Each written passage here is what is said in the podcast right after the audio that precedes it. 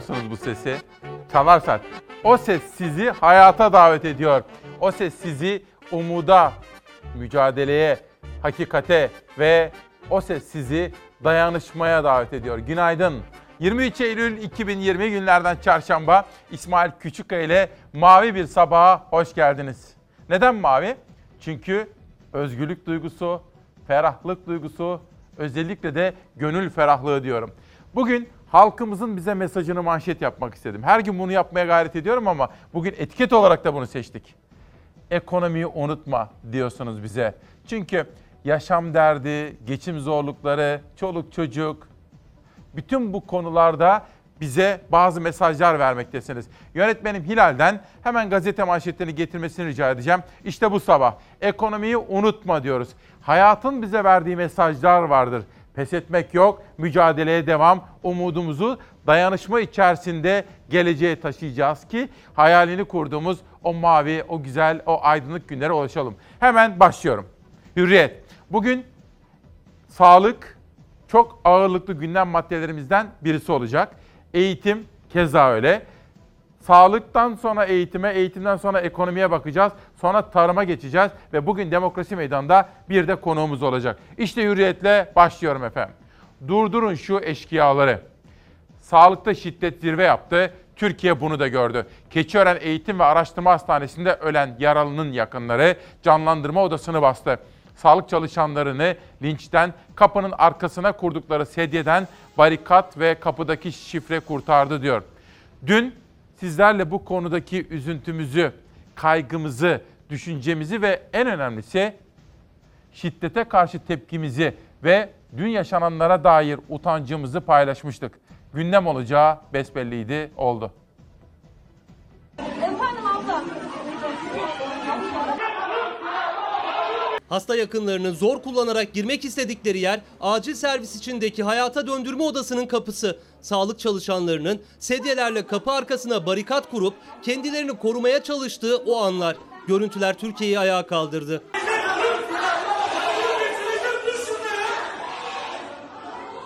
Salgınla mücadelede ön saflarda yer alan sağlık çalışanlarının şiddete karşı da verdikleri mücadelenin görüntüsü olarak tarihe geçti o dakikalar. Yeni değil ama her geçen gün gitgide artan saldırıların son örneği Ankara'da Keçiören Eğitim ve Araştırma Hastanesi'nin acil servisinde yaşandı.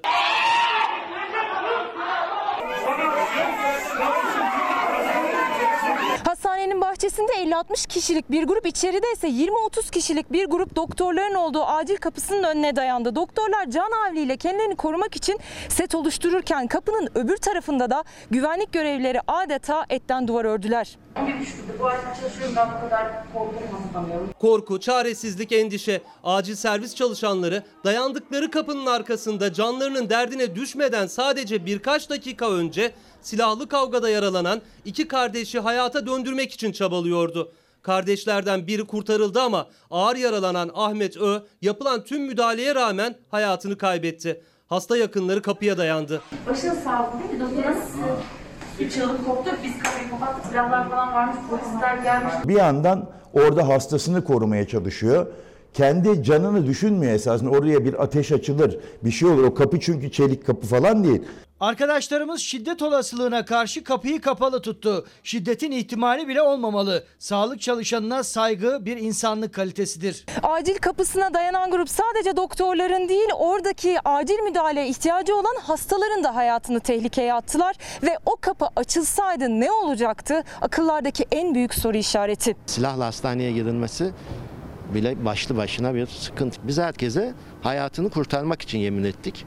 Ama hayatımızı vermek için değil. Dakikalarca zorlanan acil müdahale odasının kapısı, sağlıkçıların direnişi. Başka bir çıkış kapısı da olmayınca omuz omuza verip şiddetten korunmaya çalışmaları. Polis hastaneye gelene kadar sürdü. Valilik hastaneyi birbirine katan, sağlıkçılara korku dolu anlar yaşatan hasta yakınları hakkında inceleme başlatıldığını duyurdu. Orada apaçık şiddet var, saldırı var, tehdit var ve kamu görevlisini görevinden men etme suçu söz konusu.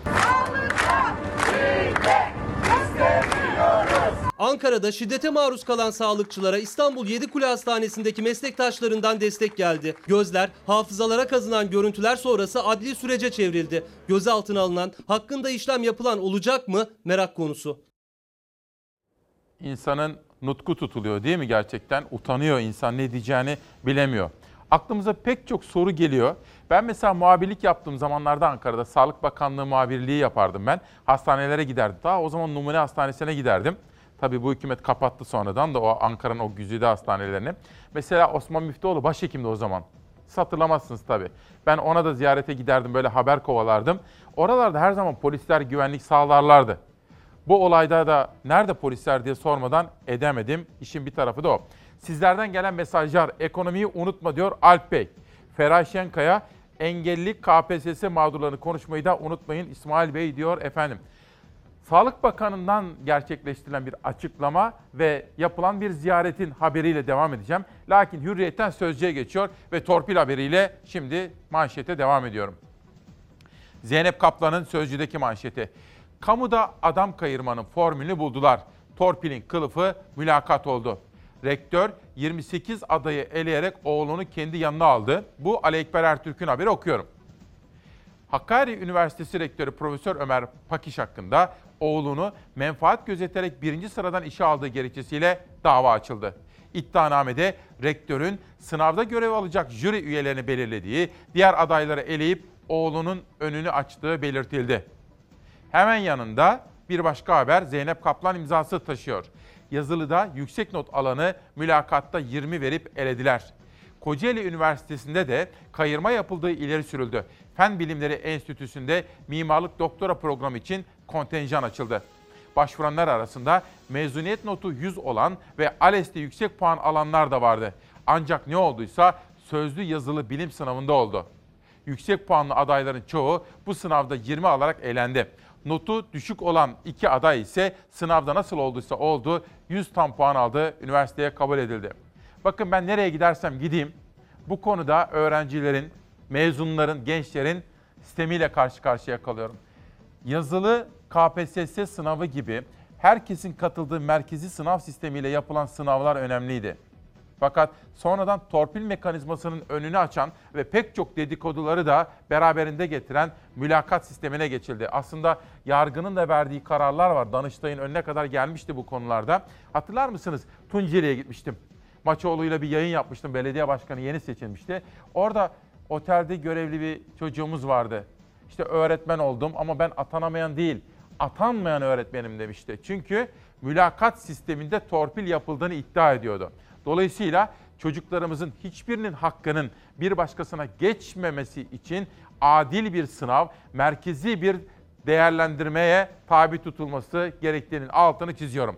Ve geçelim bir sonraki gazeteye ama bir dakika pardon çok vakit yitirmeden sağlıkta şiddet haberinde dün Sağlık Bakanı yaptığı açıklama ve gerçekleştirdiği ziyaret detayıyla devam ediyorum.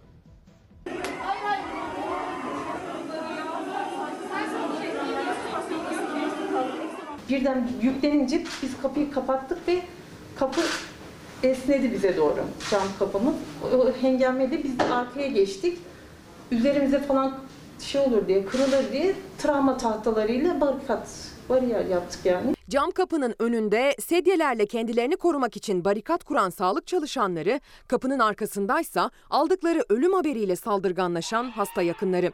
Sağlıkçılar o anları anlattılar. Ne kadar korktuklarını, olayın detaylarını. 11,5 yıldır burada çalışıyorum. Buna benzer olaylar yaşadık ekip olarak. Ama bu dün nöbette yaşadıklarımız bizi çok korkuttu. Canımıza zarar geleceği için korkuttu. Vefat eden hasta yakınlarının saldırısından kendilerini kapıya barikat kurarak koruyan sağlık çalışanlarının ziyaretçisi Sağlık Bakanı Fahrettin Koca'ydı.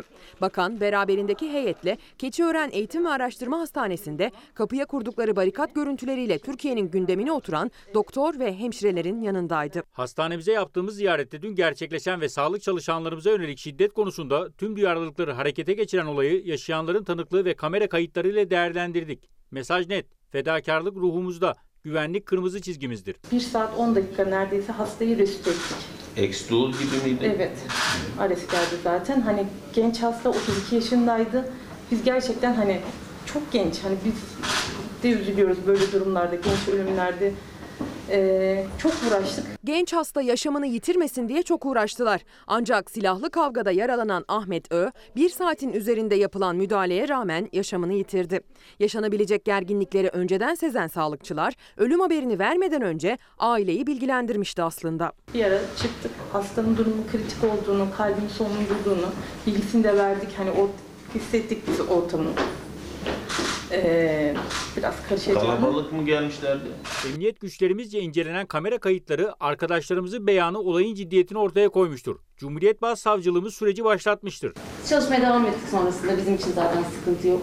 Sağlıkçılar saldırı ihtimali ortadan kalktıktan sonra kaldıkları yerden fedakarca çalışmaya devam ettiler. Sağlık Bakanı hukuki sürecin başladığını sosyal medyadan duyurdu. Hastanede ise vatandaşlardan sağlıkçıların fedakarlığı konusunda empati beklediğini söyledi. Kutsal bir görevi ifa ettiğimiz işte biz biliyoruz.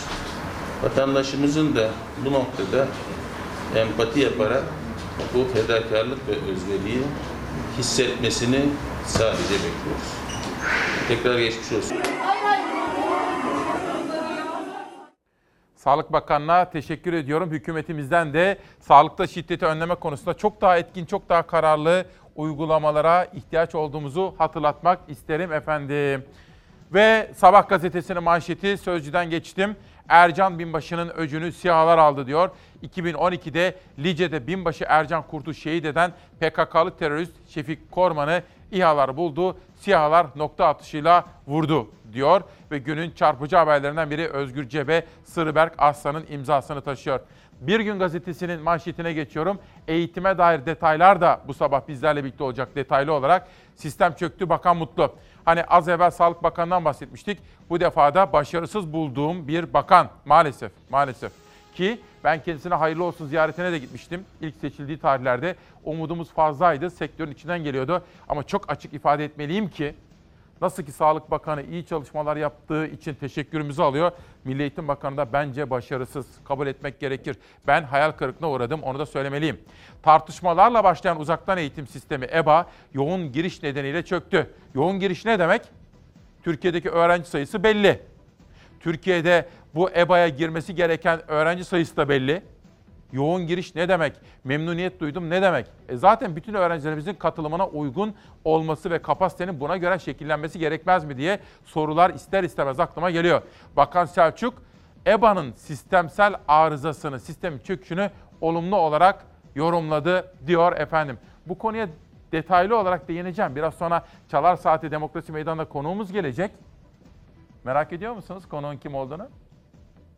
Ben biliyorsunuz önceden anons yapmayı çok sevmiyorum. Sürpriz olsun. Ben hayatın getirdiği sürprizleri karşılamayı seviyorum ve o sürprizler kötüyse bile dayanışma duygusu içinde olmayı tercih ettiğimi hepiniz biliyorsunuz. Günün dünden kalan ama bugüne dair güncellenen en sağlıklı bilgilerle koronayla mücadelenin günlük raporu. İl bazında 65 yaş üstü vatandaşlarımızın ulaşım saatlerinde sınırlama yapılabilecektir. Önce kendilerine baksınlar. Onlar maske takmıyorlar. Toplantıları onlar yapıyorlar. İlk kısıtlama sinyali yine 65 yaş üstü için geldi. İldeki vaka sayısına göre 65 yaş üstüne ulaşım kısıtlaması yapılabilecek. Cumhurbaşkanı Erdoğan kabine toplantısı sonrası alınan kararları açıkladı. Koronavirüs önlemleri kapsamında ceza alıp ödemeyenlerin kamudaki işlemleri yapılmayacak. Maske ve mekan denetimlerinde uygulanan cezaların bazı kamu kurumlarında yapacak işlemler öncesi ödenmiş olması mecburi hale getirilecektir. Bizim sorunumuz ne olacak böyle onlar da taksalar ya maske. Hiç bu hastalık gitmiyor. Ben bakıp kaç tane takıyorum böyle. Aslında sokaktaki görüntülerde 65 yaş üstünün önlem almakta daha dikkatli olduğunu koydu ortaya. Maske takmayan daha çok gençler ama kısıtlama sinyali 65 yaş üstü için verildi. Edirne'de İl Hıfzı Sıha Kurulu kararıyla 65 yaş ve üzerindekiler otobüslerden sadece 10-15 saatleri arasında ücretsiz yararlanacak. Amaç kalabalığı azaltmak. Biz zaten çok fazla gitmiyoruz. Nerede ne yapacağımızda bilincindeyiz yani. Ama gençler açık. Yani maske koymamış. Temiz park geziyoruz. Elimizi yıkıyoruz. Tamam 65 bedenen olarak düşüktür de Bunun gençleri mençleri hep maskesiz geziyor. Bulaştıran kendileri. 65 yaş üstü çok daha dikkatli. Bakın ben de 65 yaş üstüyüm. Maskemi nasıl taktığımı görüyorsunuz. Genç yaşlı değil, önlem alanla almayanı ayırt etti virüs. Vaka sayılarındaki artış bunun göstergesi. 22 Eylül'de vaka sayısı 1692 oldu. 65 hasta daha hayatını kaybetti. Vakaların artışındaki en büyük nedenlerden biri de izolasyonda olması gerektiği halde karantinadan kaçanlar. Onlara da daha fazla denetim geleceğini söyledi Erdoğan. Yeni kısıtlamalar kapsamında kafe ve restoranlar da var. Kafe ve restoranların denetimi sıklaştırılacaktır. İzolasyonda olan kişilerin kurallara uyup uymadıkları daha yakından takip edilecektir. Denetimler arttırılacak ama sadece yasaklarla salgının kontrol altına alınamayacağı çok açık. Toplu eğlenceler, umursamazlıklar devam ederken 65 yaş üstü ise faturanın kendilerine kesilme ihtimaline tepkili. Yeni kısıtlamaları kaldırabilir misiniz? Kim? Biz bir şey kaldı, kaldı. Kaldırırsa devlet kaldırsın. Kaldırırsa devlet kaldırsın. Haberi dikkatle izlediniz değil mi? Zihniniz açık, algınız açık, kalbiniz açık. Bir soru soracağım size. Burada biz nerede hata yapıyoruz? Ha? Bir hata yapıyoruz biz. Nerede yapıyoruz biliyor musunuz? Ülkemizin en bilinçli kesimi yaşı 65'in üzerinde olanlar. Hele 70'in üzerinde, 75'in üzerinde olanlar. Çok dikkatliler. Çok bilinçliler. Çünkü yaptıkları hatanın, yapacakları hatanın ne kadar ağır bedel oluşturabileceğini biliyorlar ve bencil değiller. Peki biz hatayı nerede yapıyoruz bana söyler misiniz? Biz herkesi bırakıyoruz, herkese çok güveniyoruz, herkes çok muntazaman üzerine düşen vazifeyi yerine getiriyor bilinçli, duyarlı yurttaşlar olarak. Bir tek biz 65 yaş üzerine mi güvenmiyoruz? Hata yapıyoruz. Tam tersini yapmamız gerekiyor. 65 yaş üzerindekileri serbest bırakmamız gerekiyor. Ben buradan Bilim Kurulu'na ve Sağlık Bakanlığı'na da bunu hatırlatmak istiyorum.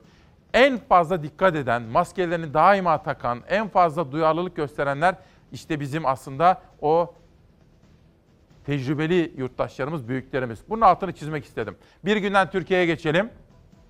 Türkiye Gazetesi'nin manşetinde ekonomiye dair bir manşet var. Biraz sonra konuğuma da bu konuyu soracağım. Milyonların beklediği paket Ekim'de mecliste yapılandırma müjdesi vergi, prim borçları ve cezalar da dahil olmak üzere birçok borç uzun vadeli taksitlere bölünecek.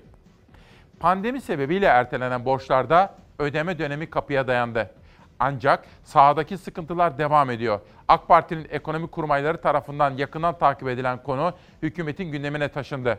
Bu çerçevede milyonları rahatlatacak düzenlemelerde sona gelindi. Borç ertelemesinin yanı sıra yeni bir yapılandırma olacak vergi ve prim borçlarının yanı sıra köprü geçiş cezaları ve trafik cezaları gibi devlete olan birçok borç uzun vadeye yayılacak.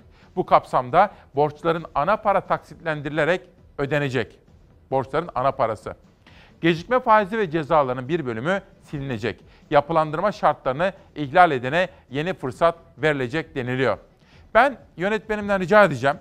Çalar Saat gazetesini ekranlarınıza getirmesini rica edeceğim. Dün gündem çalışmasını yaparken danışmanımın önerisiydi. Gazete dedi Nihal Kemaloğlu, gazete Türk Tabipler Birliği olmalı. Başka gazeteler haber yapmıyor. Ben de editörüm Zera ile konuştum.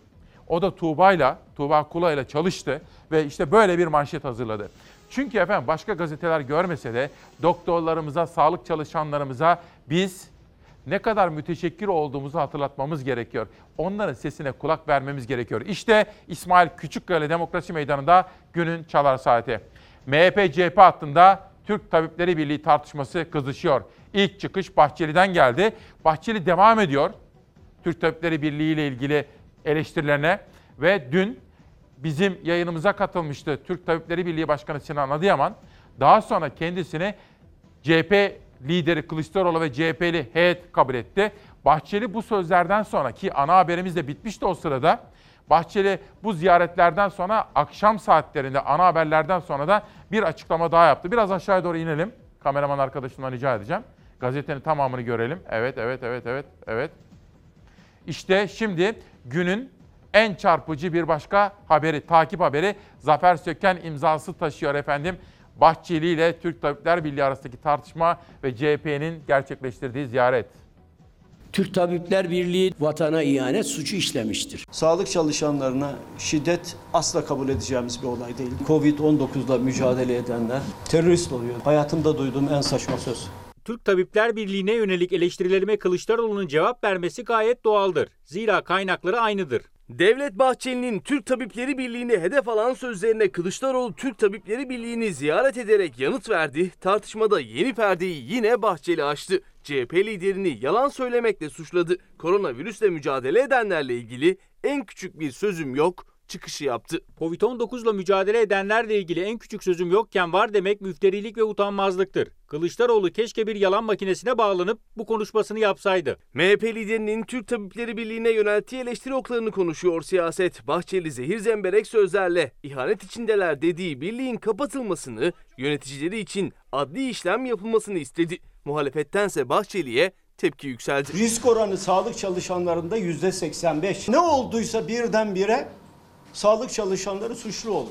97 sağlık çalışanı hayatını kaybetti. Bunlar hükümeti uyarmayacak da kim uyaracak? CHP Genel Başkanı Kemal Kılıçdaroğlu dün hedefteki Türk Tabipleri Birliği'ni ziyaret etti. Destek mesajı verdi. Sağlıkçılara minnet borçluyuz dedi.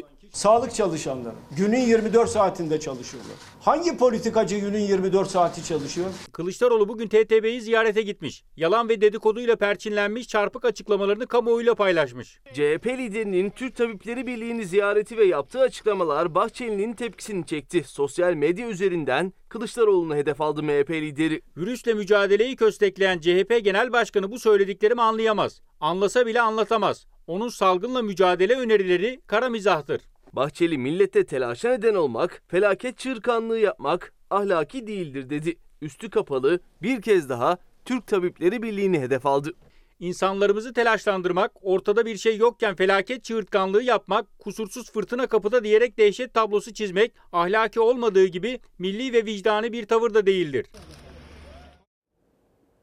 Bu tartışmayı takip edeceğiz. Bence lüzumsuz, zamansız, yersiz bir tartışma. Çünkü bizim onlara, doktorlarımıza, Türk Tabipleri Birliği'ne de moral vermemiz gerekiyor. Çınar uyanmış, Çınar Eraslan bir küçüğümüz. Ona da günaydın diyorum. Selin de en çok sevdiğim bölümlerden birisi yerel medya bölümü, biri de kitap bölümü diyor. Hemen ilk kitap tanıtımı yapalım. Biraz sonra İsmail Küçükkaya Demokrasi Meydanı'nda saat 9'dan itibaren konuğum olacak efendim. İşte günün ilk kitabı Nihat Güner'i. Gökyüzü gri değil maviymiş. Gökyüzü. Gökyüzü nedir efendim? Mavidir. Maviyi neden seviyoruz? Çünkü bize özgürlük ve bağımsızlık ruhu veriyor. Zorluklar karşısında pes etmememiz gerektiğini hatırlatan bir duygu veriyor mavi. İşte Cumhuriyet Gazetesi'nde sıra. Duyduğum en saçma söz. Kılıçdaroğlu'ndan Türk Tabipleri Birliği'ni terörle ilişkilendirerek hedef alan Bahçeli'ye tepki. Türk Tabipleri Birliği'ni ziyaret eden CHP lideri Kılıçdaroğlu, topluma doğru bilgi vermek isteyen sağlık çalışanlarının suçlu ilan edildiğini belirterek salgınla mücadele edenler terörist oluyor değil mi? Hayatımda duyduğum en saçma söz dedi. Kılıçdaroğlu ana dilde eğitimi önerdiği iddiasını da yalanladı diyor efendim. Cumhuriyet'ten bir sonraki gazetemize geçelim. Bir demokrasi haberi geliyor sırada. Hukuk ve demokrasi. Bu da önemli bir haber. Başka gazetelerde görme ihtimalinizin olduğunu düşünmüyorum. ABD, YPG, PKK'ya güvence verdi. Bakın biz stratejik ortağımız diyoruz. Amerika neler yapıyor? YPG PKK'ya güvence verdi manşette. Yeni Birlik gazetesinde gördüm. Bu haberi biraz okuyacağım sizlere ama bir dakika. Çok sevdiğimiz bu ülkemizde biz neden mücadele ediyoruz efendim bana söyler misiniz? Neyin peşindeyiz? Demokrasinin peşindeyiz. İnsan haklarının, eşitliğin, barışın ve huzurun ve bütün bunların da hukukun evrensel kurallarının geçerli olduğu, hukukun üstünlüğünün, hakim teminatının geçerli olduğu bir ülke hayal ediyoruz efendim. Enis Berberoğlu haberi. Biz Sayın Başkanı bu konuda menfi görmedik. Bunun altını çizmek isterim. CHP heyeti Anayasa Mahkemesi'nin Enis Berberoğlu ile ilgili kararından sonra Meclis Başkanı Mustafa Şentop'un kapısını çaldı. Berberoğlu'nun 3,5 ay önce mecliste düşürülen milletvekili yeniden mecliste iade edilsin diyerek bir saatlik görüşmeden umutlu çıktılar. Anayasa Mahkemesi'nin gerekçeli kararını bekleyelim mesajıyla. Hem gerekçeli kararı çok önemli buluyoruz. Bundan sonra ne olacağının netleşmesi, şeffaflaşması açısından hem Yargıtay 16. Ceza Dairesi'nin gerekçeli karar yayınlanır yayınlanmaz konuyu gündemine çok seri, çok ivedi bir şekilde ele almasının da bu hak ihlalinin ve milletvekilimizin yaşadığı mağduriyetin bir an önce giderilmesi bakımından çok yararlı olacağını düşünüyoruz. Anayasa Mahkemesi dokunulmazlığı olduğu halde yargılanması hak ihlali diyerek seçilme hakkının yok sayıldığını vurgulamıştı kararında. Türkiye'de bir ilkti Berberoğlu ile ilgili yaşananlar. Vekilliğinin düşürülmesi gibi yüksek mahkemenin kararından sonra yeniden vekilliğe dönüp dönmeyeceği tartışması da. Türkiye Büyük Millet Meclisi'nin Sayın Başkanı'nın Enis Berberoğlu'nu mecliste göreve davet etmesi bir yoldur. Bir yol Anayasa Mahkemesi kararının, gerekçeli kararının Türkiye Büyük Millet Meclisi Genel Kurulu'nda okunması suretiyle 4 Haziran'da yapılmış olan işlemin kendiliğinden yok hükmünde olduğunun tayin ve tespitidir. Milletvekilliğine dönüşü için mecliste uygulanabilecek usul önerilerini de iletti Şentop'a. Meclis Başkanı olumsuz yaklaşmadı. Anayasa Mahkemesi'nin gerekçeli kararını da görelim mesajı verdi. Şimdi gözler hak ihlali kararının gerekçesine ve hemen sonrasında da Yargıtay cephesinden gelecek habere çevrildi. Daha çok özgürlük, daha çok bağımsızlık, daha çok demokrasi, daha çok hukuk, hukukun üstünlüğü. Sizlerden gelen yorumlar bakın bir tanesi Attila Şengör diyor ki İsmail Bey iyi yayınlar. Sizi ilgiyle izliyoruz. İçişleri Bakanı'nın Anayasa Mahkemesi Başkanı'na sıkıysa yolda bisiklete bin diyebildiği bir ülkede şiddeti sadece sağlıkta şiddete indirgeyebilir miyiz? Şiddet her yerde değil mi? İnsanlar mutsuz diyor bakın. Bakın bu neden önemli biliyor musunuz? Bir dil, bir üslup. Hani zarafet demiştik ya aradığımız letafet, zarafet, kibarlık, incelik. Hani şair Gülten Akın ne diyordu? Kimselerin durup ince şeyleri düşünecek hali yok mu? Vakti yok mu? Mealen söylüyorum. Bir mesaj daha. Bu kez bana bir eleştiri var. Okuyalım. Taner Sert. Hani ben dedim ya 65 yaş üstüne kısıtlama getiriyoruz bu yanlış diye. Diyor ki o da 65 yaş üstü ne kadar önlem alsa da gençlerin aktif çalışan çoğunluğun bir şey olmaz mantığıyla yeterli önlem almamaları nedeniyle hastalık olarak kritik yaş sınırında olanları devlet koruma altına almaya çalışıyor. Bunu kısıtlama olarak anlamak ne kadar doğru? O da sizin yorumunuz. Bana katılmıyor, buna saygı duyuyorum ama ben yine görüşümde ısrarlıyım. 65 yaş üstü en bilinçli kesim. Ama bu arkadaşımıza katılımı için, ilgisi için teşekkür ediyorum. Fakat Türkçemize daha çok dikkat etsin. O da derken da'yı ayrı yazmamız gerekir. Önlem alsa da burada da da'yı ayrı yazmamız gerekir. Görüşüne saygı duyuyorum ama Türkçemize ve imla kurallarına dikkat etmemiz, güzel dilimizi özenle korumamız gerekiyor. İşte günün çarpıcı bir manşeti. Amerika YPG PKK'ya güvence verdi. ABD'nin Suriye özel temsilcisi Jeffrey, Suriye'de terör örgütü YPG PKK elebaşları ile Kürt Ulusal Konseyi temsilcileriyle yaptığı görüşmelerde Türkiye'nin bölgeye yeni bir operasyon düzenlemeyeceği iddiasıyla güvence verdi.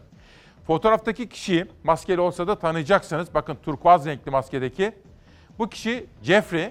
Şimdi Amerika'nın Suriye özel temsilcisi. Bir zamanlar Ankara'da büyükelçilik yapıyordu bu. Ama anlaşılıyor ki PKK-YPG ile iş tutmaya başlamış Amerikalılar adına. Günün önemli haberlerinden biri. Ankara'dan bir ses duysa da çıksa da duysak diyorum ben. Bir sonraki gazeteye geçiyorum.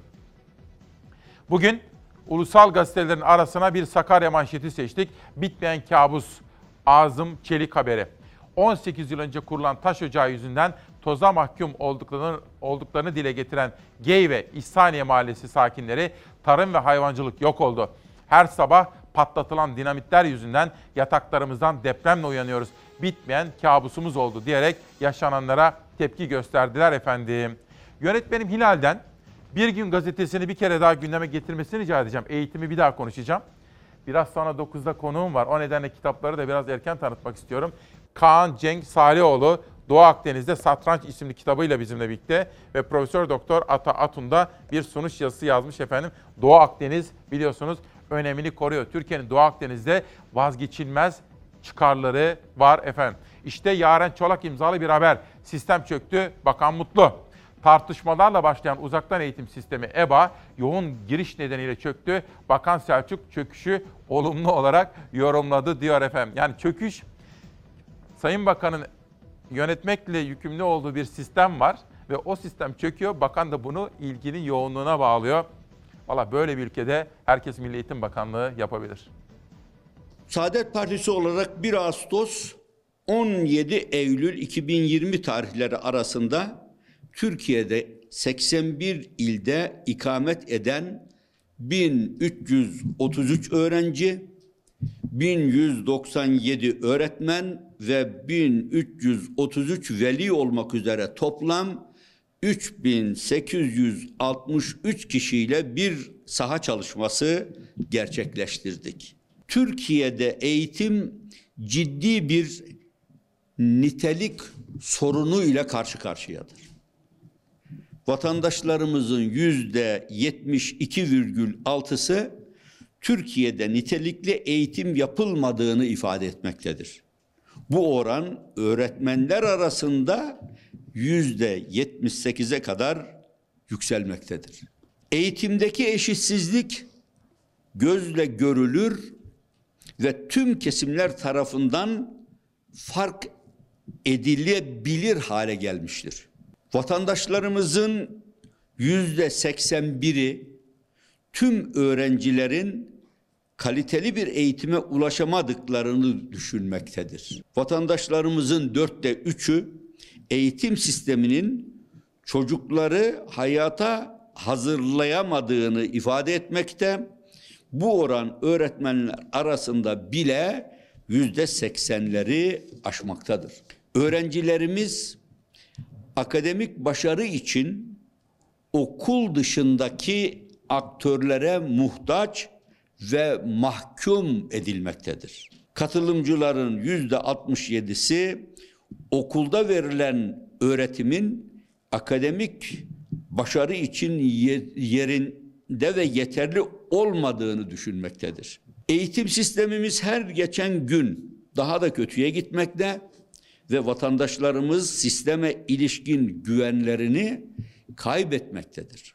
Vatandaşlarımızın yaklaşık dörtte üçü eğitim sisteminin eskiye nazaran daha da kötüye gittiğini ifade etmektedir. Şimdi bir arkadaşımın kafası karışmış Adnan. Diyor ki anlayamıyorum diyor. Sağlık Bakanı övüyorsun, Milli Eğitim Bakanı'nı diyor yeriyorsun diyor. Ya benim işim övmek veya yermek değil. Sabah bir gündem hazırlıyoruz ve ona dair düşüncelerimiz var. Ve görevim var, gazeteciyim. İyi yapanı alkışlayacağız, destekleyeceğiz. Kimin için? Ülkemiz için. Yoksa Sağlık Bakanı babamın oğlu değil. Milli Eğitim Bakanı da işte komşum değil. Milli Eğitim Bakanı da iyi yapsın onu da destekleyelim diyorum ben. Adnan Bey'in kafası karışmış da. Bakın bugün Deniz Yıldırım'ın Cumhuriyet'te bir yazısı var. Şu soruyu soruyor. Bir kere fırsat eşitsizliğinin altını çiziyor. Ama şu soru anlamlı. Ta bakın pandeminin ilk çıktığı zamandan sonra okullar kapatıldı. Peki arada geçen bu aylarda Milli Eğitim ne yaptı diye bir soru soruyor. Bu haklı bir soru.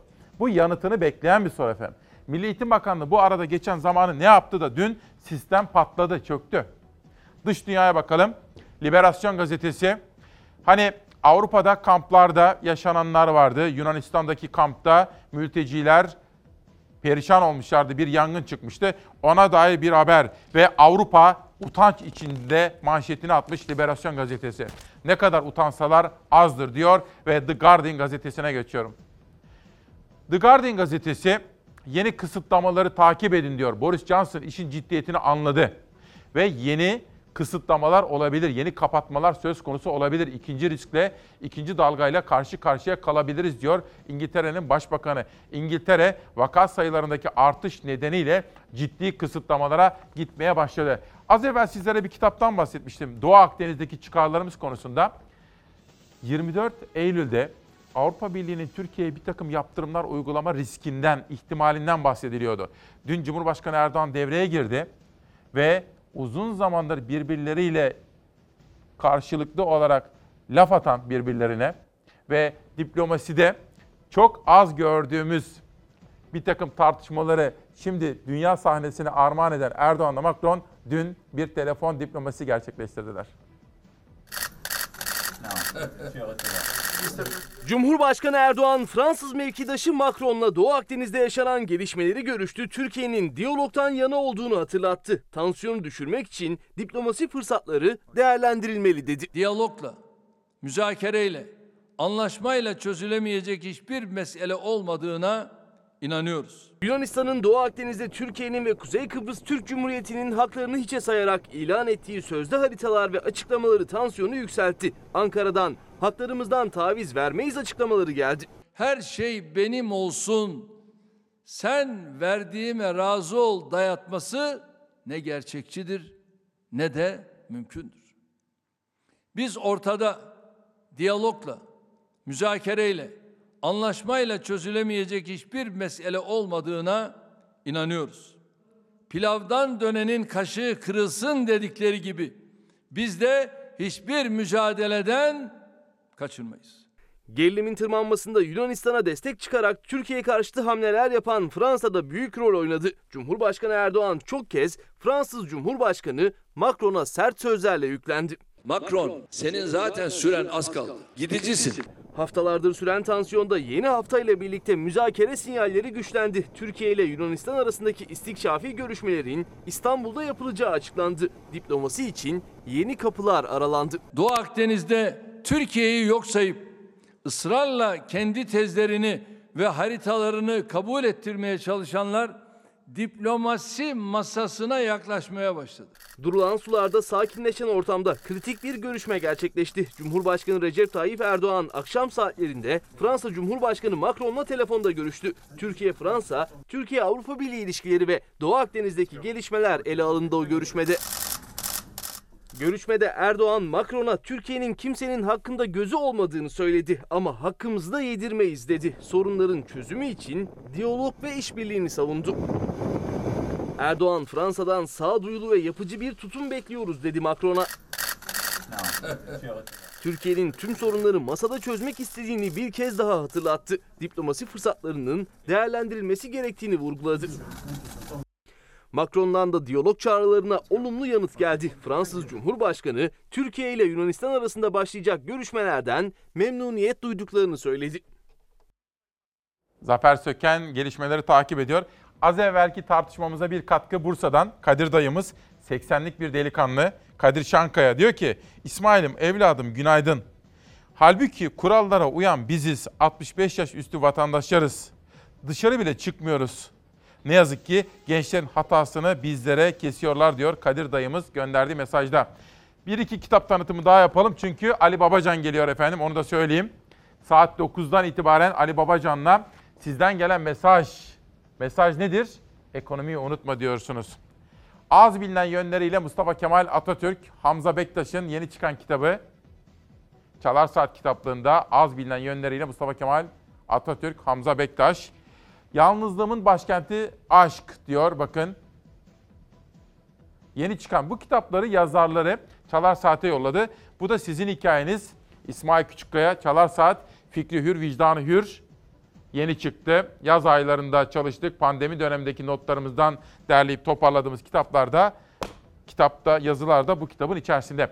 Sosyal medya manşetlerine bir bakalım. Şöyle. Independent'ta gördüğüm bir haber. Anadolu Ajansı'nın genel müdürlüğünü de yapmış bir isim Kemal Öztürk. Diyor ki Anadolu Ajansı artık seçim sonucu yayınlamamalı. YSK Başkanı'na sistemi size verelim dedim.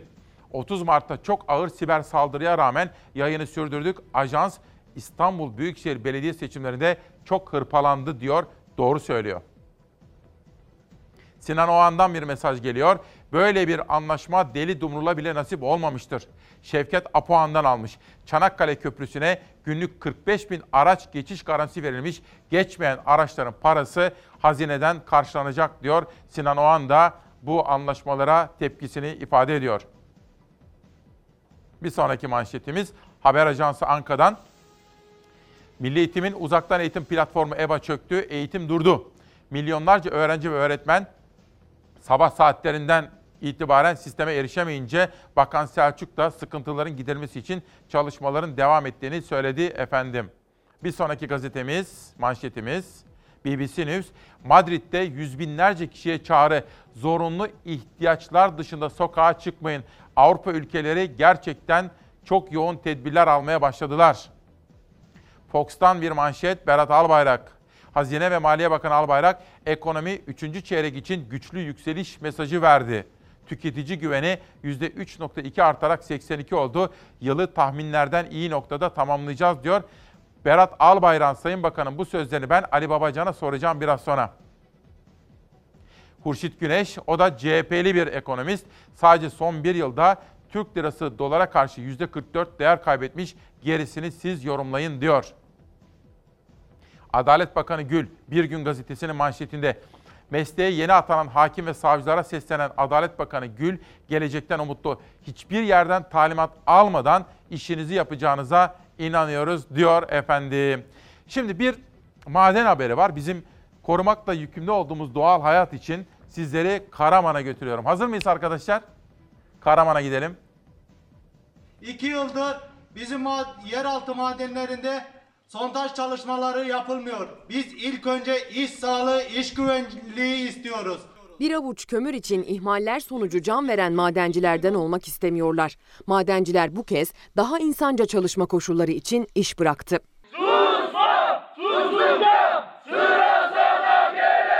Ben arkadaşlarımın güvenli bir şekilde çalışmasını istiyorum. Hem parasızız hem işsiziz. Çoluğumuzun çocuğumuzun yüzüne bakacak yüzümüz kalmadı. Bizi bu duruma düşürenler utanmıyor. Üç tane çocuğum var.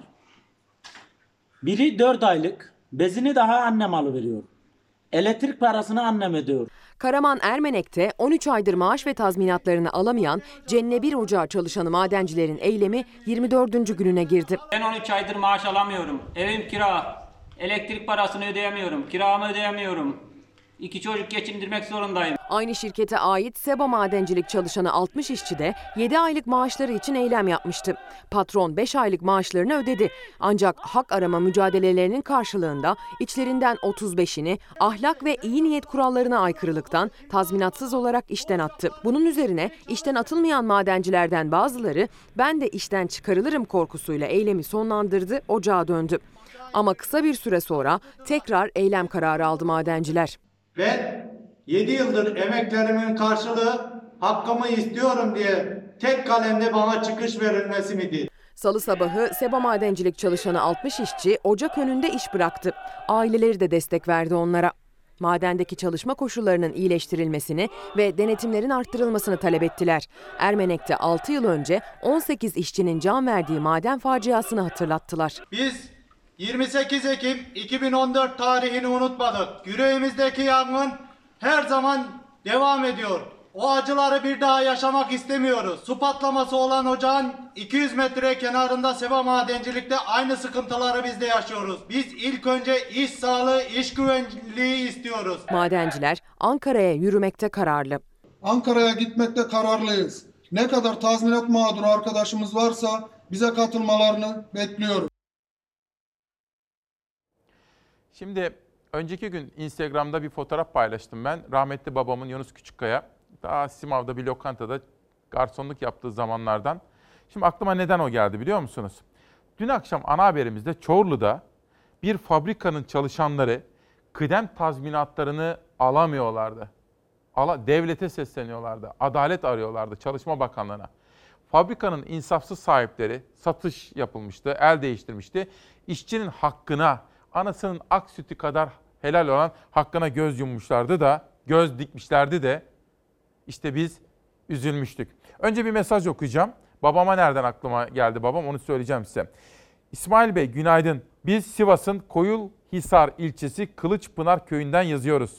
Köyümüzde korona hasta sayısı arttı. Sağlık Bakanlığı'na seslenir misin lütfen? Köyümüzün karantinaya alınmasını istiyoruz. Köyümüzde yaşayanların çoğu da 65 yaş üstü. Tekrar ediyorum. Sivas'ın Koyulhisar ilçesi Kılıçpınar köyünde. İşte bakın benim babam bu. Yunus Küçükkaya Allah rahmet eylesin. Sigortasını yatırmazlardı da sigortasını ve babamın uzun uzun böyle mücadeleler olurdu. Sürekli mahkemelere giderdi. Hakkımızı, hukukumuzu koruyacağız diye. Çorlu'daki işçilerin hakkını, hukukunu koruyacağız efendim. Yeni çıkan kitaplar Saadettin Turhan. Görelim. Evet. Yazmış, çocuk kitabı imzalamış ve bize göndermiş. Bir kitap daha tanıtalım. Bakın Pınar Maro'nun da imzalı geldi kitabı efendim. Şimdi reklamlara gidiyoruz. O arada Ali Babacan geldi. Ben kendisini karşılayacağım. Tabii sosyal mesafeye dikkat edeceğim. Covid rahatsızlığı da geçirmişti. Atlattı biliyorsunuz. Ali Babacan'la geleceğiz ve huzurlarınızda sizden gelen şu mesajın gereğini yerine getireceğiz. Ekonomiyi unutma. Günaydın efendim. Günaydın ve hoş geldiniz. 23 Eylül 2020 günlerden çarşamba İsmail Küçükkaya ile Demokrasi Meydanı'nda bir genel başkan var. Deva Partisi lideri Sayın Ali Babacan. Efendim hoş geldiniz. Hoş bulduk. Teşekkürler. Nasılsınız? Sağ olun. Daha iyi. Daha iyisiniz. Covid'i atlattınız. Çok şükür. Artık Evet. sizden güvenlisi yok. Ee, belli olmuyor. Tekrar hastalar yeniden e, kapabiliyorlar. E, Onunla ilgili Doktorlar bizi örnekler çok. Onun için uyarıyorlar. Ama siz ama, atlattınız. ama en azından ilk turu atlattık çok. Dışarıda da gördüm. Tedbiri elden bırakmıyorsunuz. Evet. Dikkatlisiniz yine her zamanki gibi. Evet. evet. Efendim, Tedbire hoş devam. Bir de tabii bizim örnek olmamız da gerekiyor Tabii aynı zamanda. Demokrasi Meydanı'na katıldığınız için çok teşekkür ediyorum. Efendim bugün biz halkımızdan gelen şu mesajı etiket olarak seçtik. Bize diyorlar ki yapay gündemler tuzağına kapılmayın. Siz ülkesini seven bağımsız ruhlu gazetecilersiniz. Siz ülkenin gerçek gündemini ekranlara taşıyın diyorlar. Ekonomiyi unutma diyorlar. Ekonomiyi unutmak istemiyoruz efendim. Çünkü hepimizin geçim derdi var. Bu meseleyi çözmek istiyoruz. İzin verirseniz günün gazetelerini beraber okuyalım. Tabii. Hilal hazır mıyız? Buyurun başlayalım. Ekonomiyi unutma dedik. Ali Babacan'la günün gazetelerini beraber okuyacağız. Şimdi Ali Babacan'la önce biraz Covid, korona, sonra eğitim, okullar. Dün bakan çok memnun oldu. EBA sistemi çökünce Sayın Babacan nasıl yorumlayacak? Ama ondan sonra da ekonomiye gireceğim. Mesela bakın güvenirsen güven arttı diyor. Hesap değişti 24 saat sonra endeks fırladı. Şimdi sen tabii ekonomiyi uzun yıllar yönettiği için bunu sormalısın dediniz bana. Ben de bunu Sayın Babacan'a soracağım. Ama önce Covid. Efendim Ali Babacan ve eşi de eşinin babası Ali Bey'in kayınpederi de Ali Bey'in babası da bu hastalıkla mücadele ettiler, etmekteler. Önce filyasyon diyoruz. Sonra acaba Ali Babacan neler yaşadı konuşacağız. Pozitif hastamız, eşi de pozitifmiş. O iki kişi. İki kişi var. Karı koca bir Covid pozitif hastanın evine geldik. Nasılsınız? Kasa arasında biraz sıkıntılarımız var. Bu ilacımız Tam Covid'li bir hastaya ilacını verip döneceklerdi ki bir şüpheli daha çıktı karşılarına. Ankara'daki vaka artış hızına filyasyon ekipleri zor yetişiyor iddiasının kanıtıydı bu aslında. Ekten benim buralarım, e, kovalarım. İştah gitti, iştahım yok şu an. Ben çalışanım burada aynı zamanda. Bazı vatandaş ihtiyaçlarını karşıladım çünkü pozitif olanların. sizden alabiliriz PCR. 47 yaşındaki Ramazan Katırcı Hayat Eve Sağır programına göre Ankara'nın yüksek riskli bölgelerinden Gölbaşı'nda 24 daireli 8 bloğun apartman görevlisi. Filyasyon ekiplerini karşısında görünce şikayetlerini sıraladı ve şüpheli göründüğü için test yapıldı. Önümüze fazlasıyla pozitif vaka çıkıyor. Gittiğimiz evde bir tane pozitif vaka vardı ama içeri girdiğimiz toplamda 3 pozitif vaka olduğunu öğrendik. Vaka sayısı arttıkça gerçekten üzülüyorum, içim acıyor. Gözlerimiz doluyor bu kadar vaka nereden geliyor yani? Yüzündeki koruyucu maskeden gözlerindeki yaşlar görülemese de ne kadar yorulduğu sesinden belli. 6 aydır filyasyon ekibinde görev yapan diş doktoru Aysu Ödün'ün günlerdir tartışma konusu Ankara'daki filyasyon ekipleri. Kimi hasta hiç ulaşamamaktan, kimi ilacını alamamaktan şikayetçi ama bir de madalyonun diğer yüzü var. İşte filyasyon ekiplerinin yoğun mesailerinin sadece birkaç saati. Şu anda gördüğümüz kırmızılar vaka, e, maviler temaslı, yeşiller ise bizim şu anda sahada bulunan ekiplerimiz. Bu grubu da gene en yakın ekibimize atayacağız. Vaka atanan ekip zamanla yarışıyor adeta çünkü çalınacak çok kapı var. Filyasyon ekiplerine yetişmek için hemen biz de hızlıca koruyucu malzemelerimizi giyiniyoruz. 6 aydır filyasyon işinde çalışıyorum. Gerçekten yorulduk. Hepimiz yorulduk. 12 yaşında bir kızım var. Mümkün olduğunca uzak durmaya çalışıyoruz. Hiçbir şekilde normal hayatınıza da devam edemiyorsunuz. Vakalara yakınsınız, virüse yakınsınız. Eve gidiyorum e, kardeşimle bile e, aynı sofrada yemek yememeye çalışıyoruz. Şu bile yeterli zaten. Sağlık çalışanlarının aylardır döktüğü terin yanında bir hiç ama göstermek istiyorum. Sadece bir saatte bu kıyafetin, bu malzemelerin içinde durdum ve sırılsıklam su içinde kaldım. Şimdiye kadar Türkiye genelinde 30 bin sağlık çalışanı Covid-19'a yakalandı. Filyasyon ekipleri de mücadelenin en ön safında tehlikeyle her gün burun buruna. Birlikte çalıştığım doktor arkadaşım ve yardımcı personelim de Covid oldu. Bu bizi gerçekten çok üzdü. Vaka sayısı arttıkça içim acıyor. Deva Partisi Genel Başkanı Sayın Ali Babacan, İsmail Küçükkaya ile Demokrasi Meydanı'nda. Efendim bir kere daha geçmiş olsun diyorum. Çok Siz teşekkür neler ederim. yaşadınız? O süreci birazcık bir anlatır mısınız bize?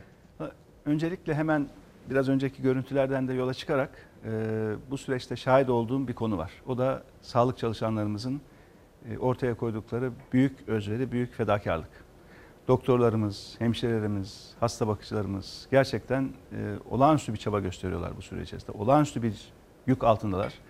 E, bizzat da şahit olduğum için hem kendim hem de ailemin diğer e, fertlerin hastalığı sürecinde hepsine min- minnettarız. Buradan hepsine ben tekrar çok çok e, teşekkürlerimizi özellikle sunmak istiyorum. Ağır büyük yük altındalar, büyük bir stres altındalar. Bir yandan kendilerini korumaya çalışıyorlar ama bir yandan da tabii e, çok yüksek sayıda hastayı tedavi için Hastanede yattınız ya birkaç gün efendim. Mesela gittiniz geldiniz. Babanız da yoğun bakımda. Geçmişler olsun diyoruz. Sağ olun, Dualarımız onlarla birlikte. Teşekkür Ne yaşadınız? Gözlemleriniz ne oldu? Ee, öncelikle hasta açısından baktığımızda e, bu biraz yalnız geçirilen bir hastalıkmış onu gördüm. Çünkü te- e, ziyaretçi e, tam- tamamen e, yasak, haklı olarak e, yasak ve doktorlarla, hemşirelerle olan temasta yine minimum e, tutuluyor. E, ancak e, tabii yanımızdaki odalarda ya, odalarda hep e, hastalar var. Daha ağır e, hastalar vardı. Ve bu virüs herkesi farklı farklı etkiliyor. Hem bünyeler tabii çok farklı hem de virüs alınan miktara bağlı. e, Herkeste farklı farklı bulgular e, ortaya çıkabiliyor. E, Toplumun yaklaşık herhalde üçte ikisi bunu bir şekilde geçirecek gibi görünüyor. Yani dünyada da Türkiye'de de e, beklenti nihayetinde beklenti Sürü öyle. dediğimiz bu. Evet, evet. Üçte ikisi geçirecek herhalde öyle görünüyor.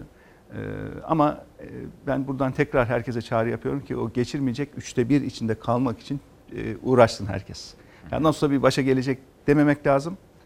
Ee, geçirmeyecek üçte bir içinde kalmak için e, çok dikkatli olmak lazım. Tedbir almak lazım. Hem e, vatandaşlarımızın kendisini koruması lazım hem de çevrelerindekilerin de e, korumaları lazım. Tedbir burada çok çok önemli. Siz hastaneye gittiniz. Eşiniz evde mi? Nasıl oldu? Ha şöyle oldu biz e, e, ben eşim ve küçük oğlumuz aşağı yukarı işte bir gün arayla pozitif e, Evet. çıktık test sonucunda.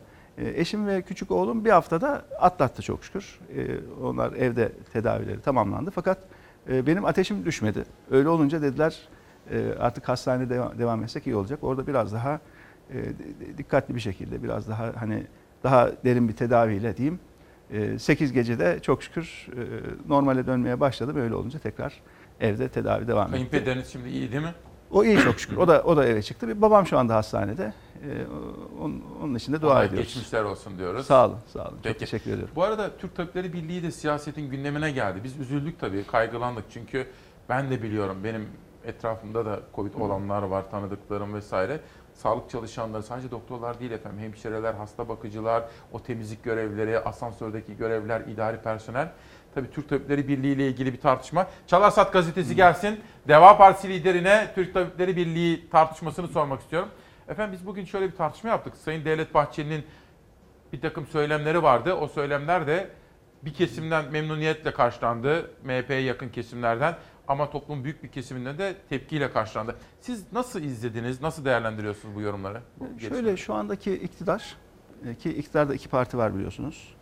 Bu, bu iki parti de gerçekleri duymak istemiyor pek çok konuda. Sorun o. Kim gerçekleri konuşursa, gerçekleri konuşanlarla ilgili hemen bir karşı atak başlıyor, bir eleştiri başlıyor, bir engelleme çabası başlıyor. Yani şu anda koronavirüs salgınıyla ilgili büyük bir mücadele var. Gerçekten ortaya konan büyük bir emek var. Onun hakkını vermek lazım. Ama öte yandan bu işin yönetimine baktığımız zaman mesela ilk aylardaki gibi değil maalesef. O Mart, Nisan, Mayıs aylarında ki onu da o zaman konuşmuştuk. Evet. Hani işin sağlık tarafı daha iyi yönetiliyor ama ekonomi tarafında sıkıntılar var diyor idik.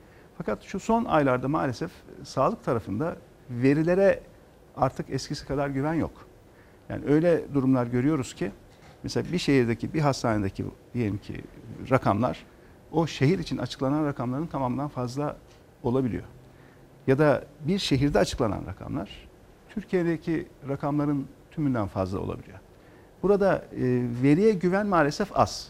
Bu kamuoyu yoklamalarında da ortaya çıkıyor. Yani halkımıza sorduğumuz zaman koronavirüs salgını ile ilgili açıklanan rakamlara güveniyor musunuz, inanıyor musunuz diye sorduğumuz zaman en az yarısı inanmıyorum diyor. Bazı anketlerde hatta üçte ikisi inanmıyorum diyor. Şimdi bu ciddi bir problem. Siz inanıyor musunuz? Şimdi benim en azından Ankara'da gözlediklerim, Ankara'daki hastanelerden, hani tanıdığımız doktorlardan, sağlık yöneticilerinden aldığımız veriler, yani Ankara'daki sayıların bazı parametrelerde Türkiye için açıklanan rakamlardan daha fazla olduğunu bize gösteriyor. Tek başına Dolayısıyla Ankara'daki burada- rakamlar bile Türkiye'deki rakamın Evet, fazla. tabii, tabii bir sürü parametre var. Bazı Ama parametreler ara ara bakıyorsunuz bazı parametreler Türkiye için açıklanan rakamların bile üzerinde oluyor. Dolayısıyla burada bir sıkıntı olduğu belli. Ancak bunu düzeltmesi gereken de yine hükümet. Yani burada durumu olduğundan daha iyi gösterme çabası bana göre yanlış. Yani bazen şu oluyor. Hani ben de 13 yıl bakanlık yaptığım için e, ya hani halkın moralini bozmayalım. Yani güzel şeyler söyleyelim ki moral düzelsin. Moral düzelince de işler tekrar düzelir falan. Da öyle olur mu? Şimdi böyle böyle eğilimler olabiliyor yöneticilerde. Fakat bu özellikle sağlık konusunda hiçbir konuda kabul edilemez ama sağlık konusunda kesinlikle kabul edilemez. Burada nihayetinde can meselesi var. Can. İnsanların hayatı ortada. Burada gerçek tabloyu olduğu gibi ortaya koyacaksınız ki tablonun ne kadar kötü olduğunu bütün insanlar görecek ki daha dikkatli olsunlar, daha tedbirli olsunlar. Yani aslında ya vaka sayısı çok da fazla değil. Bak iyi yönetiliyor. Korkmayın. Türü bir yaklaşım. Dönüyor dolaşıyor. İnsanlarımızda tedbirde belki daha bir gevşek Gevşemeye. tutuma sebep oluyor. Ekonomide yani nasıl ol- efendim? olduğu gibi bunu ortaya koymak lazım. Şey. Gerçek neyse. Hani mesela saktan saklamamak bazen lazım. bize de diyorlar ya ya İsmail Bey diyorlar işte biraz daha pembe tablolar çizsek Alice Harikalar Diyarı'nda. mesela ekonomide de hani halkımızın morali bozulmasın işte güzel pembe tablolar sunsak nasıl olur mesela? Yap, yapsak biz bunu hepimiz. Ya şöyle ekonomide tabii genel moral önemlidir. Önemlidir ama onun altında da sağlam bir gerçeklik lazım. Güven. Yani önce sağlam bir gerçeklik olacak. Gerçekten işler daha iyi olacak ve insanlar onu anlayacak. Moralleri düzelecek, daha çok alışveriş edecekler. Moral düzelecek, daha çok yatırım yapacaklar. Ama ortadaki e, gerçeklik berbatken, pek çok konuda büyük sıkıntılar varken ülkede siz öbür tarafa dönün ne kadar ne açıklarsanız açıklayın. Deyin ki işte ekonomimiz tepe tepe noktada. Sayın Cumhurbaşkanı söylüyor bunu. Pik yapıyoruz diyor. Evet. Ya bunu şimdi e, nasıl anlatacaksınız? Vatandaşınıza nasıl anlatacaksınız? Vatandaş şöyle de düşünür. Ya ekonomi pik durumdaysa ben niye bu haldeyim? diye düşünür insanlar. E şöyle bakın etrafınızda işsiz sayısında korkunç bir artış var. Hayat pahalılığı almış başını gitmiş. E, Konda'nın son ayki araştırmasında enteresan bir veri var. Sizce enflasyon kaç diye soruyorlar vatandaşa. Evet. %108 diyor ortalaması. Konda'nın son ayki raporunda. %108 çok yüksek bir rakam. Ama e, yani gerçekte o kadar yüksek olduğunu da ben zannetmiyorum. Kaçtır ama, efendim? Ama halkın açıkladığı ya daha doğrusu Sizce TÜİK'in- kaç? Enflasyon kaç sizce? TÜİK'in açıkladığı %11, %12 gibi bir rakam biliyorsunuz. Evet. Enflasyonun ondan çok yüksek olduğu bir gerçek. Sizce kaç mesela Hangi- baktığınızda? Ya şöyle Siz de bence yaşıyorsunuz. bence Çünkü siz demeyeyim de alışverişe ben de, gidiyorsunuz. Şimdi ben de esnafa soruyorum daha çok. peki. Çünkü bizim çok geniş bir esnaf kitlesi var. Ee, eskiden beri dostumuz Deva olan- Partisi içinde mi diyorsunuz? Deva Yoksa siz esnaf bizim olduğunuz eski için. ticari ilişkilerimizden. Çıkırtılardan. Tabii tabii eski ticari ilişkilerimizden. Hani sorduğunuzda yani yüzde 30 diyen var, yüzde 40 diyen var, yüzde 50 diyen var. Niye? Çünkü esnaf kendi aldığı, sattığı malın fiyatını bilir. Yani şu kupa geçen sene kaç alıp satıyordu? Bu sene kaç alıp satıyor? Bu kadar basit. Alıp sattığı malın fiyatını bilir esnaf yani. Şimdi esnafın dediği yüzde 30, 40, 50 gibi rakamlar. Ya da işte çay alıyor satıyor. Şeker alıyor satıyor. Aklınıza ne geliyorsa yani şurada gördük. Kalem alıyor efendim, satıyor. Alışveriş yapıyorum. Ben görüyorum bunu. şimdi- Aradaki farkı görüyorum. Ama TÜİK %11-12 açıklayınca tabii bu rakamı bu sefer açıklanan bütün rakamlarla ilgili halkımızda bir şüphe oluşuyor. Hele hele oluyor. yatırımcıda güvensizlik oluştuğu anda yani bu devlet doğruyu söylemiyor. Bu TÜİK doğru rakam açıklamıyor. Bu açıklanan rakamlara ben güvenemiyorum hissiyatı yatırımcılarda yerleştikten sonra o ülkede yatırım çok zor. E bu kadar işsizliğin olduğu bir ülkede yatırım olmazsa siz bu işsizlere nasıl iş bulacaksınız? Yeni yatırım gerekiyor ki iş sahaları açılsın. Şu anda işsiz olan vatandaşlarımız o yeni yatırımlarda iş bulabilsin. E şimdi yatırımcı ürkerse, yatırım yapmazsa Türkiye'nin en büyük problemi şu anda bir numaralı ekonomik problem, problemi bakın işsizlik. Yani ne Türk lirasının değer kaybetmesi, ne enflasyon, ne şu ne bu. Bana göre şu anda bir numaralı problem işsizlik. Öyle mi? Ve bunu çözmek uzun zaman alacak. Kolay olmayacak yani. En doğru adımları bile atsa bugünkü hükümet yine de bu işsizlik sorununu çözmek zaman alacak. Ki doğru adım atıldığı falan da yok. Güven yaratmamız gerekiyor. Evet. Şimdi bakın karara bakmıştım. Pencere gazetesi de hesap farkıyla 20 puanlık iyileşme. TÜİK hesabı değiştirdi, güven yükseldi diyor. Pencere gazetesi de böyle yaklaşıyor. Bir sonraki gazeteye geçelim. Evet Türkiye'm günaydın. İsmail Küçükkaya Demokrasi Meydanı'nda Deva Partisi lideri Sayın Ali Babacan var. Biraz da eğitime bakalım. Çünkü efendim ben sizlere bir keresinde söylemiştim. Ali Babacan'ın işte o zamanlar Mehmet Şimşek de vardı ekonomi yönetiminde. Bu iki ismin en fazla dillendirdikleri bazı hususlar vardı. O hususlar şöyle bir döneyim önce. Şuraya seslendireyim. 8 yıldır birlikteyiz ya. Benim en fazla Ali Babacan'dan ve o zamanlar Mehmet Şimşek'ten de alıntı yapardım. Abdullah Gül de bunu söylerdi. Bu orta gelir tuzağı var ya orta gelir. Bir yere saplanıp kaldık. Şimdi orada da saplanıp kalmadık. Geriye de gidiyoruz da. Fakat Sayın Babacan şunu söylüyordu. Yargı reformu ve eğitim reformu diyordu. Bu ikisi olmadan Türkiye'nin ileriye sıçraması mümkün değil. İşte bakın Milli Gazete milyonlarca öğrencinin ve binlerce öğretmenin kullanacağı aylar öncesinden bilinen EBA sistemi ve uzaktan eğitim dün yoğunluk yüzünden öğrencilere çok uzak kaldı. EBA çöktü. Ama bakan gelişmelerden son derece memnuniyet taşıdığını, bu yoğun ilgiden mutlu olduğunu söyledi. Kısa bir haberimiz var. Haberi izleyelim. Acaba Sayın Babacan nasıl yorumlayacak? Merak ediyorum. Şu an EBA'ya öğrenci girişini yapmaya çalışıyoruz. Evet. Aldığımız uyarı bu. EBA'da böyle bir şey gösteriyor ve diyor giremiyorsunuz. Bu aslında bir taraftan da bizim için olumlu bir haber. Çünkü inanılmaz bir talep var. Kimse bu yorumu beklemiyordu. Uzaktan eğitimin sekteye uğramasını Milli Eğitim Bakanı olumlu haber olarak değerlendirdi. Oysa Ziya Selçuk EBA'yı dünyanın en iyi dijital eğitim altyapısı olarak tanımlamıştı. Öğrencilerimizin çok büyük bir kısmının erişimiyle ilgili e, bir sıkıntı olmadığını görüyoruz. Bu yoğunluktan ve EBA'daki tıkanmadan da yaşanan sorundan da bunu anlıyoruz. Özellikle yüz yüze eğitimin başladığı günlerde bu talepte büyük bir sıçrama oluştu. Bu sabah milyonlarca öğrenci derslerine girebilmek için EBA'yı açtığında önce çok kalabalık uyarısıyla karşılaştı. Sistem yoğunluğu kaldıramadı, çok geçmeden çöktü. Aslında öğrenci sayısı belliydi. Yani Milli Eğitim Bakanlığı o sayıya göre altyapı hazırlayabilirdi. Ama uzun süre EBA'ya girebilmek mümkün olmadı. Tam bir saattir böyle. Üçüncü dersimiz. Diğer iki derse giremedik. Dersleri kaçıran öğrenci, öğretmen ve veliler yaşadıkları sorun karşısında isyan etti. Üstüne bakandan gelen yorumsa şaşırttı. Bu aslında bir taraftan da bizim için olumlu bir haber. Çünkü inanılmaz bir talep var. İki de bir sorun çıkıyor Allah'ım ya. Dünyanın çok büyük e, sitelerinde kimi zaman duraklamalar, aksaklıklar oluyor ve belli bir süre sonra bunlar gideriliyor.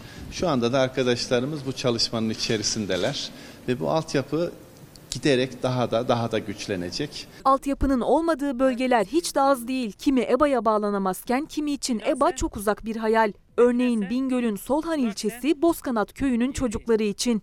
Çünkü şebeke direğimiz yok ve bunun sebebiyle canlı derslere giremiyoruz. Ve hiçbir şey anlamayıp sınıfta kalıyoruz.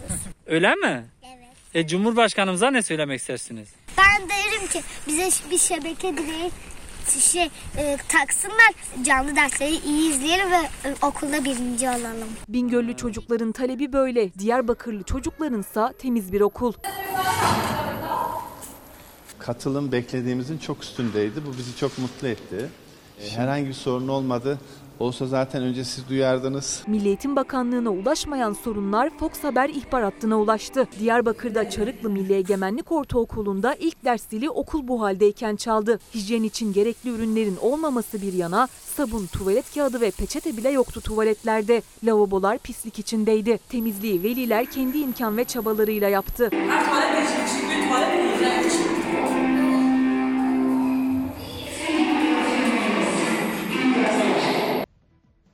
Deva Partisi lideri Sayın Babacan'a soralım. Efendim siz eğitim reformu, eğitim reformu der durursunuz. EBA çöktü. Bakan memnun. Ee, şöyle eğer EBA'nın alternatifi 4-5 tane ayrı e, site olsaydı, ayrı uygulama olsaydı ve bir rekabet ortamında EBA bütün diğer alternatifler içerisinde en çok tercih edilen alternatif olsaydı belki böyle bir yorum yapmak mümkün. Ne güzel bizim ürünümüze çok talep var, bizim sitemizde çok talep var. Fakat şu anda öğrencilerin başka bir alternatifi yok. Zaten herkes mecburen girip EBA üzerinden e, derslerle ilgili ne yapacaksa yapabiliyor. E, tabii teknik sorunlar olabilir. Burada şimdi hani çok da bu teknik işlerle uğraşan arkadaşların üzerine varıp hani onları da e, açıkçası fazla e, yormak, yıpratmak istemem ama e, burada her konuda olduğu gibi eğitimde de maalesef en büyük sorun kararların yetkin insanlar tarafından ve istişare ile alınmaması. Yani kararı alan heyetlere şöyle baktığımız zaman kim bu kararlar alıyor? Maalesef yine tek bir karar merci olması Türkiye'de. Her konuda, en basit konularda bile o tek karar merciine sorulmadan adım atılamaması pek çok kişi bağlıyor. Şimdi deseniz ki Milli Eğitim Bakanımıza, arkadaş sen kendi ekibini kur, dünyayı da incele, Gelişmiş ülkeler bunu nasıl yürütüyor? Hani bizim gibi gelişmekte olan ülkeler nasıl yürütüyor? Nasıl oluyor Avrupa'da pek çok ülkede öğrenciler tekrar okula dönüyor da Biz hala tereddütteyiz. Bu işi yapan ülkeler nasıl yapıyor? Git incele. Ondan sonra bildiğin gibi yap deseniz birisi sorumluluğu alsa bu işin siyasi sorumluluğu inanın çok daha kolay yürür bu işler. Fakat olmuyor. Şu andaki bakanlarımızın tamamının sorunu iradeleri maalesef e, sınırlı. Çok çok sınırlı. En küçük şeyi bile sormadan adım atamıyorlar. Cumhurbaşkanımıza 80 mı soruyorlar efendim? Tabii ki tek karar merci şeyi. Sayın Cumhurbaşkanı Mesela başka Milli yok ya. Bakanı bir şey yapacak, Cumhurbaşkanımıza mı soruyor? Sormadan mümkün değil yani. Adım atması mümkün değil Ama böyle bir nasıl şey. bir yük efendim öyle bir yük Türkiye İşte taşınabilir zaten mi böyle bir sorun o. şey? Bir kişi Sorun nasıl o. yapacak? Yani 84 milyonluk ülkenin bütün sorunlarının yani eğitimde devasa sorunlar var. Şu anda sağlık, Covid'le mücadele gibi devasa bir konu var. Bütün bu konuları getirip de tek bir kişinin kararına bağladığın zaman o ülke yönetilemez. Şu anda Türkiye'nin en önemli sorunu en küçük meselelerin dahi tek bir karar mercine çıkması ve Cumhurbaşkanı'nın olsun deyince olması, olmasın deyince olmaması. Böyle bir ülke böyle yönetilemez. Küçük bir ada devleti olsa 10 bin 20 bin nüfusu tamam. Yani o ülkenin yöneticisi gider baştan sona zaten yarım saatte arabayla biter o ada. Belki yönetebilir ama bu kadar büyük bir ülke böyle yönetilemez. Mutlaka bakanların kendilerinin siyasi iradeleri olması lazım. Kendilerinin biraz özgürlük alanı olması lazım. Ve o siyasi sorumluluğu da üstlenmeleri lazım. Yeni sistemde tek bir siyasi makam var o da Cumhurbaşkanlığı makamı. Onun haricindeki herkes atanmış dikkat edin. Herkes atanmış. Bütün hükümet atanmış kişilerden oluşuyor. Cumhurbaşkanı tek imzayla bakan atıyor. Bakan yardımcısı atıyor. Genel müdür atıyor. Genel müdür yardımcılarını atıyor. Tek imzayla. Bakan bir bakıyor ertesi gün altında bir bakan yardımcısı var. Genel müdür bakıyor bir genel müdür yardımcısı gelmiş Cumhurbaşkanı imzasıyla oraya atanmış. Şimdi 84 milyonluk ülke böyle yönetilemez. Yani bu ülkenin yönetilmesi, düzgün yönetilmesi ancak ve ancak daha çok delegasyonla mümkün. Yani sorumlulukları biraz delege edeceksiniz ve insanlara sorumluluk, yetki vereceksiniz. Biraz da Dağıtacaksınız. sorumluluk mi? vereceksiniz. Biraz Tabii sorumluluk ki. ve yetkiyi Tabii ki. dağıtacaksınız. Meclisiniz güçlü olacak. Hmm. Yargınız bağımsız çalışacak. Büyük ülke böyle yönetilir. Yani Türkiye yani tek bir karar mercinin vereceği kararlara sıkıştırılabilecek bir ülke değil. Çok büyük bir ülke Türkiye. Yani bu büyük ülkenin bu şekilde yönetilmesi mümkün değil. Bakın her alanda sorunlar büyüyor. Yani Cumhurbaşkanı hangi konuyla ilgilenecek? Libya ile mi ilgilenecek? Doğu Akdeniz'le mi ilgilenecek? Suriye ile mi ilgilenecek? Eğitimle mi ilgilenecek? Covid'le mi ilgilenecek? Neyle ilgilenecek? Mümkün değil. Dolayısıyla bu sistem kökünden yanlış bir sistem oldu. Zaten bu sistem öncesinde de böyle bir hani tek adamlık eğilimleri vardı. Bu başkanlık sistemi onun için çok üstleniyordu. Ama sistem de üzerine bunun eklenince artık Türkiye yönetilemeyen bir Nasıl ülke haline geldi. sisteme dönelim ki efendim işleri delege edelim? Çünkü hep ne öğretirler? İşletme okullarında, kurslarda hep şunu söylerler. İyi liderler için mesela. işi ve yetkiyi devret, delege et derler. Aşağılara biraz dağıtacaksın ki senin yükün azalsın. Sen yukarıda vizyon belirle derler. Nasıl bir sistem öneriyorsunuz peki siz? Önce dürüst ve işini bilen bir kadro kuracaksınız. Dürüst ve işini bilen. Dürüst ve işini bilen kadroya hem yetkiyi vereceksiniz Evet. hem de sorumluluğu vereceksiniz. Ben sonuca bakarım arkadaş. Sen git bana sonuç getir diyeceksiniz. Böyle yönetilir. Başka türlü mümkün değil yani. Aksi halde Türkiye o tek kişinin vizyonuna, alanına sıkışır, sıkışır, sıkışır. Küçücük bir ülke olur. Zaten bu rakamlardan da belli. Yani şu an ekonominin Hangi düştüğü, ekonominin düştüğü durum en azından ekonomideki rakamlardan Türkiye'nin küçüldüğü belli. Bakın Bir iki iki- söyler misiniz efendim yani rakamları? bakın 2013'te kişi başına düşen milli gelir ülkenin 12.594 dolar. 12.594. Geçen sene 9.212 dolar. Hatta bu yıl bu yıl 2020'de 7.500 ile 8.000 arasına düşecek bu. 12.594 dolarlık milli gelir olan bir ülkenin 2013 yılında bu yıl 7.500-8.000 dolara inmiş olacak. İşte ne oluyor? O tek bir kişinin kontrol edebildiği ya da söyleyebildiği vizyonla koskoca ülke sıkışıyor, sıkışıyor, küçülüyor. Yani bu sistemin mutlaka değişmesi lazım. Yani Türkiye'nin mutlaka güçlendirilmiş parlamenter sisteme geçmesi lazım. Cumhurbaşkanlığı hükümet sistemi başladı başlayalı ülke fakirleşiyor. Bakın 2018'de değil mi seçim? 2018'den bugüne kadar bakın ne olmuş memlekette. Daha Covid ortada yokken, koronavirüs salgını ortada yokken geçen sene Türkiye'nin büyüme oranı yüzde 0.9. 2019'da bütün dünya büyüyor. 2019'da dünya ekonomisinde hiçbir sorun yok. Ne oldu da Türkiye geçen sene yüzde bir bile büyüyemedi? Yönetilemedi. Onun için böyle oldu. Mutlaka güçlü bir parlamento, bağımsız, tarafsız bir yargı ve yerinden yönetilen, delege edilmiş, işin ehli ve dürüst insanların oluşturduğu kadrolarla yönetilir. Eğer bunları sağlamazsanız inanın Türkiye daha kötü günler görür. Bu günler daha iyi günler bakın. Yani ne diyoruz? 7500-8000 dolarlık milli gelir diyoruz kişi başına düşen bu yıl. 12.500'lerden inmişiz buraya. Ama Allah korusun bunun kötünün de kötüsü var. Daha da iner mi? Kötü yönetilirse iner. 2 kere 2 4 bu. Yani doğru Yani karar almazsanız, kötü yönetirseniz Fakirleşiriz. zaten fakirleştik. Zaten fakirleştik. Yani şu anda bir asgari ücrete 3 çeyrek altın ancak alabiliyorsunuz. Bir aylık asgari ücret, net asgari ücret 3 tane çeyrek altın. E, Türkiye bunu hak ediyor mu? Bizim insanımız bunu hak ediyor mu? Şimdi efendim Yazık günah. yine sizin ben dersimi çalışırken gördüm. En fazla bazı programlardan yararlanıyorum. En fazla kullandığınız tabirler, kavramlar, mesela hukukun üstünlüğü diyorsunuz, yargı reformu diyorsunuz. Bir de torpil değil, liyakat diyorsunuz. Ben ona Kesinlikle. baktım. Şimdi bugün mesela ilginç bir haber gördüm. Kamuda adam kayırmanın formülü buldular. Torpilin kılıfı mülakat oldu. Farklı farklı örnekler var. Şimdi Sözcü gazetesi zaman zaman yapıyor bunu. Yani efendim şöyle, işi hak edenin değil ama hani halk arasındaki tabirle bizim konuştuğumuz dayısı olan hani liyakat değil de torpil. Biz- Bu mudur? Biz parti Sorun. programımıza yazdık. Mülakatı kaldıracağız dedik. Mülakat sistemini devletten kaldıracağız. Çünkü mülakat dediğinizde sonuçta işte bugün o gösterdiğiniz manşete gidiyor iş. Mülakat dediğinizde bu sefer partili mi değil mi? İşte ideolojisi nasıl? Kimin adamı? Bir arkasında birisi var mı? Yok mu?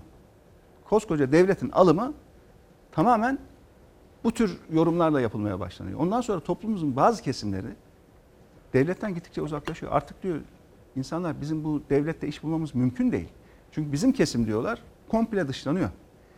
Öyle örnekler var ki bazı kesimlerden bazı bakanlıklara insanların girmesi mümkün değil. KPSS'den 96 alıyor, 97 alıyor, 98 alıyor. Mülakatta eleniyor. Çünkü toplumun belli bir kesiminden geldiği için eleniyor. Veya deminki manşette olduğu gibi bir e, arkasında birileri olmadığı için. Peki. Dolayısıyla mülakatın tamamen kalkması Bu önemli bir söz. bunu olacağım. kaldıracağız. Efendim Evet. iki son dakika gelişmesi var. Birini danışmanım yolladı, birini editörüm. Şimdi Ankara Kent Merkezi'nin önemli adreslerinden Doktor Sami Ulus Kadın Hastalıkları, Çocuk Sağlığı ve Hastalıkları Eğitim Araştırma Hastanesi'nin yıkım tehdidi altında bırakan Koruma Bölge Kurulu kararı yürütmesi durduruldu. Bunu bunu yarına takip edeceğim. Tekrar ediyorum. Ankara'da önemlidir. Doktor Sami Ulus Kadın Hastalıkları Çocuk Sağlığı ve Araştırma Hastanesi yıkım tehdidinden kurtululdu. Mahkemeden güzel bir haber geldi. Bir de editörümden bir haber geldi. İstanbul'da kamu kurum ve kuruluşlarına giriş için HES alma zorunluluğu getirildi Covid'le mücadele kapsamında. Birkaç sosyal medya mesajı okuyalım. Ali Babacan'ın paylaşımlarını görmüştüm. Covid-19'da 15. günün sonunda şikayetlerim azaldı. Bulguların da düzelme eğilimine girmesi üzerine doktorum tedavimin evde süreceğini söyledi. Hastanede kaldığım süre boyunca sağlık çalışanlarımızın gösterdiği büyük fedakarlığa şahit oldum. Hepsine çok teşekkür ediyorum diyor Ali Babacan. Az evvel ifade etti görüşlerini. Şimdi bunun haberi var. Çünkü Ali Babacan'dan en fazla duymak istediğim, merak ettiğim husus bu. Güven duymak istiyorum. Devletime, ekonomi yönetimine, hükümete, kim olursa olsun. Yani devleti kim yönetiyorsa güven duymak istiyorum. Tüketici güven endeksi arttı. Tüketici güven endeksi arttı diyor. Bir sonra Berat Albayrak gelecek. Ekonomimiz 3. çeyrek için güçlü bir yükseliş mesajı verdi. Ağustos'a göre tüketici güven endeksi %3.2 artarak 82 oldu. Veriler iyi geliyor. Yılı tahminlerden iyi bir noktada tamamlayacağız inşallah diyor. Biz de inşallah diyelim ama size dur hemen sorayım bir dakika haberden önce. Şimdi verilerle oynayarak, hesap metodunu değiştirerek, işte güveni 60'tan almışsınız 80'e çıkarmışsınız. Bunlar beyhude çaba. Biz halkla iç içeyiz. Şu andaki yönetimin en önemli problemlerinden bir tanesi de halktan bunlar koptular. Bir saraya, bir külliyeye gittikçe bakın hapsoluyorlar. Zaten böyle olur yani otoriter bir rejimse eğer bu rejim gittikçe kopar, bağları kopar. Ama ne olur? Propaganda makinesiyle uğraşırlar. Ki yeni bir düzenlemeyle biliyorsunuz bu propaganda makinesinin yetkilerini şimdi çoğalttılar. O hayali bir Türkiye'yi, sanal bir ülkeyi nasıl kandırabildiğimiz kadar bir toplum kesimine anlatabiliriz, e, o şekilde belki sunabiliriz diye. Bunların hepsi beyhude çaba. Bizim insanımız gerçekleri görüyor. Türkiye'nin içinden geçmekte olduğu zor bir dönemi insanlarımız bizzat yaşıyor, hissediyor. Siz ne derseniz deyin. Rakamı ister 80 açıklayın, ister 90 açıklayın. Üstelik şuna da dikkat etmek lazım. Bu rakam yüzde sınırlı bir rakam değil. Yani yüzün üzerinde olduğu zaman işler iyi, yüzün altında olduğu zaman işler kötü demek. Yani grafiği yüzde kesmişler ama yüz normalde bunun ortalaması yani tüketici güven endeksi yüzün çok daha üzerinde olmalı ki geleceğe doğru beklentiler iyi olsun. Bir önceki grafikte vardı. Bir öncekine İşte 2000 gelelim. 2018'de bu rakam ki Anadolu kendi bu- açıkladıkları bu değil mi efendim? Ha, kendi açıkladıkları rakam bakın 92'den başlıyor. Evet. Cumhurbaşkanlığı hükümet sistemi başlıyor. Şuradan. Heh, orada. Bakın. Hangi ayda seçim var? Haziranda seçim var. 90-90. Seçimden sonra ne oluyor? Tepe taklak gidiyor. Niye? Çünkü bir kişi bütün yükü aldığı zaman yönetemiyor. Çok basit. Çok basit. Yani aslında biz bu yeni sistemle yönetilmeye fiilen ve hukuken başladığımız günden itibaren aşağı doğru gidiyoruz. Bütün grafikler öyle. Türkiye'nin. Türkiye'nin hangi verisini ele alırsanız alın. 2018'in Haziran'dan itibaren tepe taklak. Toplam çalışan sayısına bakın. Türkiye'nin üretimine bakın. Halkın güvenine bakın. Güven endeksi. TÜİK'in kendi açıkladığı Enflasyon. güven endeksi bu. Enflasyon, döviz. Enflasyon. Dövizin yani Türk lirasının değeri. Döviz hızla artıyor. Yani Türk lirasının değeri düşüyor. Hayat pahalılığı, işsizlik. Çünkü bütün yük bir kişinin üzerinde olduğu zaman o kişi yönetemiyor. Geçen şey dediniz efendim. Doları belli bir yerde sabitlemek için Türkiye'nin 100 milyar dolarını yaktılar dediniz. O ne demek? Evet, evet. Bakın Ne o, da, o? o? da- o ne demek? Şimdi geçen sene ortasından itibaren alırsanız rakam farklı ama geçen sene başından alalım. Yani 2019'un ocağından başlayıp bugüne kadar Merkez Bankası'nın döviz rezervlerindeki net net net döviz rezervlerindeki değişim yaklaşık 120 milyar dolar. Bu ne orana yapıldı? Para politikası yanlış bir yerde tutuluyor. Çünkü Merkez Bankası artık bağımsız değil. Merkez Bankası yanlış ve inat uğruna farklı ve yanlış politikalarla bir noktada tutuluyor. Ve bakın çok güzel yönetiyoruz. Kur da artmıyor demek için kamu bankaları başta olmak üzere farklı metotlarla Merkez Bankası'nın döviz rezervlerini sata sata erittiler. Yani yabancıların da kolayca Türkiye'den çıkmasına da yardımcı Gitti oldular. efendim, parasını aldı gitti herif. Aynen öyle. Hem de iyi değerden aldı gitti. E, dolar Bakın, da şimdi ilk 7 defa- 60 7 70. İlk defa son 12 ayda uluslararası yatırımcılar bizim hisse senedi piyasasından ve bono piyasasından tam 14,5 milyar dolar paralarını aldılar götürdüler. Bir zamanlar bizim bono piyasasında uluslararası yatırımcıların payı %30'du. %30. Şu anda %5'e düşmüş durumda. Yani bizim içeriye sattığımız Türk lirası cinsinden hazine borçlanma kağıtlarını yabancılar gelir alırdı. Çünkü Türk lirasına güvenirlerdi.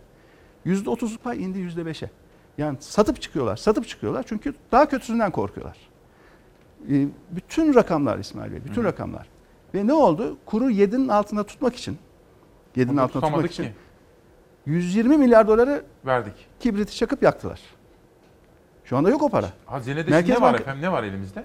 Şimdi Merkez Bankası'nın açıklanan brüt brüt rezervine baktığımızda 88. Bir zamanlar 133'tü. Evet. 133 milyar dolardan 88 milyar dolara düştü. Bu brüt. Fakat eskiden Merkez Bankası'nın rezervinin çoğu kendi parasıydı. Yani Merkez Bankası gider piyasadan döviz alır, o dövizi alır kasasına koyardı. Şu andaki rezerv denilen para bankalardan zorunlu karşılık olarak zorla aldıkları para. Yani bankalar aslında bir Merkez Bankası'nın bu borcu. Artı bir de swap anlaşmalarıyla geçici olarak sağladıkları döviz. Yani Merkez Bankası'nın bu 88 milyarlık döviz rezervinden bankalardan zorla borç aldığını ve swap anlaşmalarıyla geçici olarak temin ettiğini çıkarttığınızda şu anda eksi 30 milyar dolar. Yani rezerv eksi, otuz. değil mi? Rezerv eksi çünkü döviz rezerv diye açıkladığı rakam Merkez Bankası'nın kendi dövizi değil. Ya bankaların dövizi ya da işte Katar gibi ülkelerden geçici swap anlaşmasıyla sağladığı döviz. Çok enteresan. Tabii. Bir haber dosyamız var. Arkadaşlar ekonomiye dair hazırladığımız dosyayı bir izleyelim. Ali Babacan'la ekonomi sohbetimiz devam etsin. Ekonomimiz ikinci çeyrekteki kısmi küçülmenin ardından üçüncü çeyrek için çok güçlü yükseliş mesajları veriyor. Önce Cumhurbaşkanı Erdoğan ardından da Hazine Bakanı Berat Albayrak ekonomide güçlü mesaj vurgusu yaptı. Albayrak sosyal medyadan bugün açıklanan güven endeksi rakamlarını duyurdu ama o güven endeksi her zamankinden farklı bir yöntemle hesaplanmıştı. Ekonomimiz 3. çeyrek için güçlü bir yükseliş mesajı verdi. Ağustos'a göre tüketici güven endeksi %3,2 artarak 82 oldu. Veriler iyi geliyor. Yılı tahminlerden iyi bir noktada tamamlayacağız inşallah. Öyle bir dönemde yapıyor ki TÜİK bunları. Maalesef Türkiye İstatistik Kurumu'nun açıkladığı verilere güvenin en düşük olduğu dönemde yapıyor. Bir önceki seneye dönüp bakarsak henüz siz ekonomide böyle şaha kalkmış, toparlanmış, süper giden bir şey görebilmeniz için bir önceki yıla göre daha iyi olmanız lazım. TÜİK tüketici güven endeksi hesaplama yöntemini bir gün önce değiştirdiğini duyurdu. TÜİK artık tüketiciye en çok endişe duyduğu işsiz sayısı beklentisi ve tasarruf etme ihtimalini sormuyor ve yeni haliyle anket ilk kez yayınlandı. Pandemi etkileri kurda yaşanan hareketliliğe rağmen TÜİK'e göre Eylül ayında bir önceki aya göre %3.2 arttı. 200 puan üzerinden yapılan hesaplamada Ağustos ayında 79.4 olan endeks Eylül ayında 82 oldu. İşsizlik verisi açıklandığındaki fikrini, enflasyon verileri açıklandığı e, zamanki fikrini maalesef Twitter'dan göremiyoruz. İyileşen verileri açıklandığı zaman Sayın Bakan'dan açıklama görüyoruz. Ekonomi uzmanlarının söylediği olumsuz verilere bir örnekte Uluslararası Kredi Derecelendirme Kuruluşu Moody's'den gelmişti. Türkiye'nin kredi notunu B1'den B2'ye düşürmüştü. Yeni raporda da Türk ekonomisine ilişkin olumsuz yorumlar ağırlıkta. Hatta uzmanlara göre Türkiye ekonomisi 25 yıl öncesine geriledi. Son 25 yılın en düşük notlarını e, alıyor Türkiye ekonomisi e, kredi derecelendirme kuruluşlarına. 2018'den beri Türkiye ekonomisinin sıkıntıları ve riskleri devam ediyor. Üzerine pandemi geldi. Eğer ekonomi iyi yönetilse, pandeminin etkileri en azından vatandaş nezdinde iyi yönetilmiş olsaydı bu kadar düşük rakamları görmeyecekti. Evet durum bu efendim. Yorumunuz? Şimdi biraz önce de e, şunu e, söyledim. Merkez Bankası net net rezervi eksilerde. 120 milyarlık bir döviz satışı yapmak zorunda kaldılar. 7'nin altında tutmak için. Ellerinde döviz kalmayınca da kur hemen 7'nin üzerine çıktı. Şimdi bunu daha ihtiyatlı politikalarla yürütseydi Merkez Bankası ki Merkez Bankası deyip diyoruz oradaki arkadaşlara da açıkçası ben bir yani gereksiz bir yanlış yorumda bulunmak istemem. Çünkü yetkinliği gayet iyi pek çok arkadaşımız var hala orada. Fakat hükümet tamamen Merkez Bankası'nın kontrolünü ele geçirdiği için ve tamamen hükümetin yap yapma demesiyle hareket ettiği için şu anda işte kur 7.66'nın üzerini gördü diyor. Bakın bunlar daha iyi günler. Ben tekrar altını çize çize vurguluyorum. Bunlar daha iyi günler. Eğer acilen tedbir alınmazsa, eğer acilen doğrular yapılmazsa çok daha kötüsünü görürüz. Ve biz doğruların ne olduğunu bakın sadece böyle eleştirmiyoruz. Yanlışlara işaret etmiyoruz. Doğruları da anlatıyoruz. Bizim e, ortaya koyduğumuz çözüm önerileri her her dönemde var. Bakın kur ilk Ağustos'ta hareketlendi biliyorsunuz. Evet, 7, 7'nin üzerinde evet. falan. İlk dalga oydu. Yani 8 Ağustos'ta biz hemen 10 maddelik bir acil tedbir açıkladık. Ne dediniz mesela? 10 madde. Çok çok basit yani çok. Dedik ki öncelikle acilen zaten kanunda gereği olan şu orta vadeli programı bir an önce açıklayın. Bak kanun gereği açıklanması gereken tarih geçti. Orta vadeli program hala açıklanmadı. Orta vadeli program ama gerçekçi olacak, samimi olacak. Böyle işte güven endeksinin hesap kitabıyla oynayıp da e, tasarruf etme sorusunu kaldırıp endeksi 60'dan 80'e falan sıçratarak değil yani. Gerçekten doğru, düzgün, samimi, gerçeklere dayanan tutarlı bir orta vadeli programa Türkiye'nin acilen ihtiyacı var ki insanlar biraz önünü görebilsin. Ve yine Merkez Bankası'nın derhal ve derhal enflasyon hedeflemesine tekrar dönmesi lazım.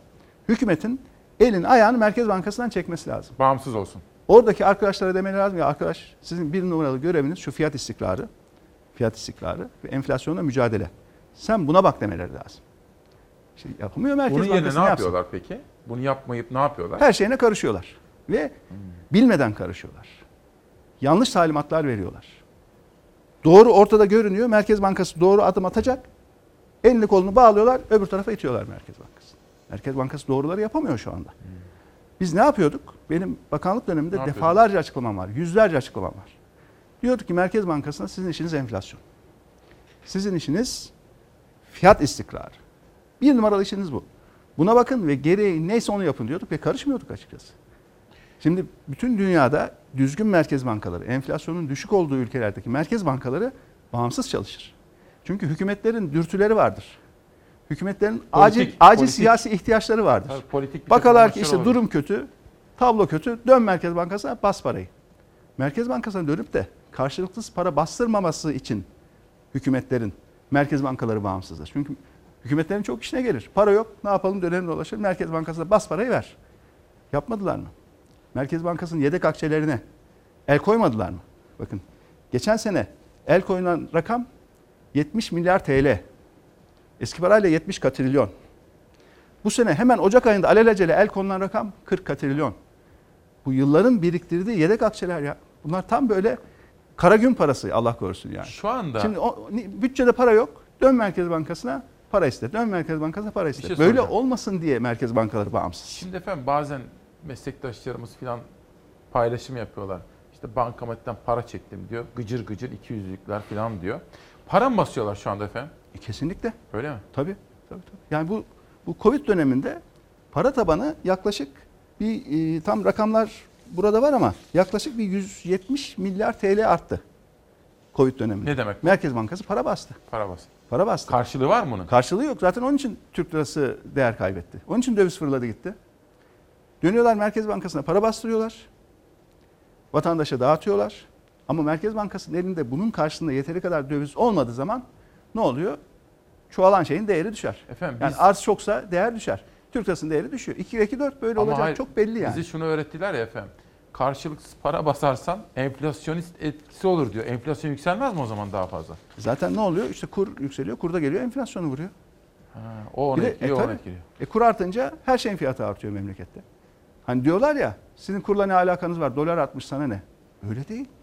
Ne demek dolar artmış sana? Şu yaktığımız elektriği bugün yarısı doğalgazdan üretiliyor. E, doğalgaz ithal bir ürün. Kur arttığı zaman doğalgazın maliyeti artıyor. Doğalgazın maliyeti de elektriğin fiyatı. Cam. Bu camı üretirken en önemli girdi enerji. Enerjinin fiyatı artınca bu camın fiyatı artıyor. O kadar basit bu hesap. Yani kur arttı sana ne? Bu, bu, bu kadar bu halkı bu halkı bu kadar cahil yerine koymamaları lazım. Yani halkımızın sağduyusu çok şey sağlam. efendim, Yani halkımızın duyuları açık. Niye önemsiyorum sizin görüşlerinizi? Çözüm önerisi sunmaya çalışıyorsunuz. Ben bunu çok önemsiyorum. Eleştirmek tamam kolay. Şimdi şöyle bir paylaşımınızı gördüm. İlk günden itibaren söylediğimiz gibi diyorsunuz. Sorunlarımızın çözümü kuvvetler ayrılığı ve hukukun üstünlüğü esasına dayanan özgürlükçü, katılımcı ve çoğulcu bir demokrasiyle mümkündür diyorsunuz. O kadar. O kadar. Yani bizim bu 18 Ağustos'ta sunduğumuz 10 maddelik çözüm tabii ekonomi ağırlıklı. Ama daha geniş, daha büyük resme baktığımızda yani Türkiye'nin Türkiye'nin en önemli sorunlarından bir tanesi bugün adalet sorunudur. İnsan hakları sorunlarıdır. Özgürlüklerle ilgili sorunlardır. Bakın sizin meslektaşlarınıza şöyle bakın. Meslektaşlarınız şu anda İsmail Bey pek çok kanalda, pek çok gazetede, pek çok web sitesinde korkuyorlar. Yazam- yazamıyorlar, söyleyemiyorlar. Çünkü nihayetinde bu bir telefon. Hükümetten bir telefon geliyor ve bir gazeteci arkadaşımız o gün işsiz kalabiliyor. E, işsiz kalanları gördüklerinde de mevcut gazeteci arkadaşlarımız, köşe yazarlarımız daha dikkatli olmaya çalışıyorlar. Sansür uyguluyorlar. Kendi Otosansür. kendine otosansür uygulamaya başlıyorlar. E, bu sefer özgürlükler niye önemli? Yani problemleri açıkça konuşabilmek için önemli. Problemlerinizi açıkça konuşacaksınız ki problemi teşhis edeceksiniz. Hastalığı teşhis edeceksiniz. Ondan sonra tedaviye geçebilin, çözüme geçin. Problemi konuşmayı yasaklarsanız, problemleri konuşturmazsanız çözüm safhasına hiçbir zaman geçemiyorsunuz. Zaten Türkiye'nin en önemli sorunlarından bir tanesi bu. İnsanlar özgürce tartışacak ki sorunlar konuşulacak, sorunlar masaya yatırılacak ve ondan sonra onları çözmeye başlayacaksınız. Şimdi Sayın Cumhurbaşkanı çıkıp da bu kadar işsizliğin tepe yaptığı bir noktada ki geniş tanımlı işsizlik şu anda %34 bakın. %34 geniş tanımlı işsizlik. Korkunç bir rakam bu. Yani işsiz kalanların e, Üçte nerede- bir. Üçte bir. Evet. Şimdi şu- devletin açıkladığı, TÜİK'in açıkladığı mevsimsel düzeltilmiş işsizlik oranı %14.3 ki bu bile tarihi yüksek. Yani mevsimsel düzeltilmiş işsizlik rakamı hiçbir zaman %14.3'ü görmedi. Bu TÜİK'in açıkladığı zaten. Peki. Burada peki ne görünmüyor? Mesela işten çıkartmayı yasakladılar. İşe gidip gelmiyor. Ve ayda 1100 küsür lira, işte 1168 lira işsizlik ödeneği alıyor. Peki. Ama onlar işsiz içerisinde görünmüyor. Bu Buna rağmen de eklediğinizde geniş tabanlı 12 da- milyon 300 bin kişi geniş tanımlı %34.8 atıl durumda olan ve çalışmayan insan var Türkiye'de. Peki.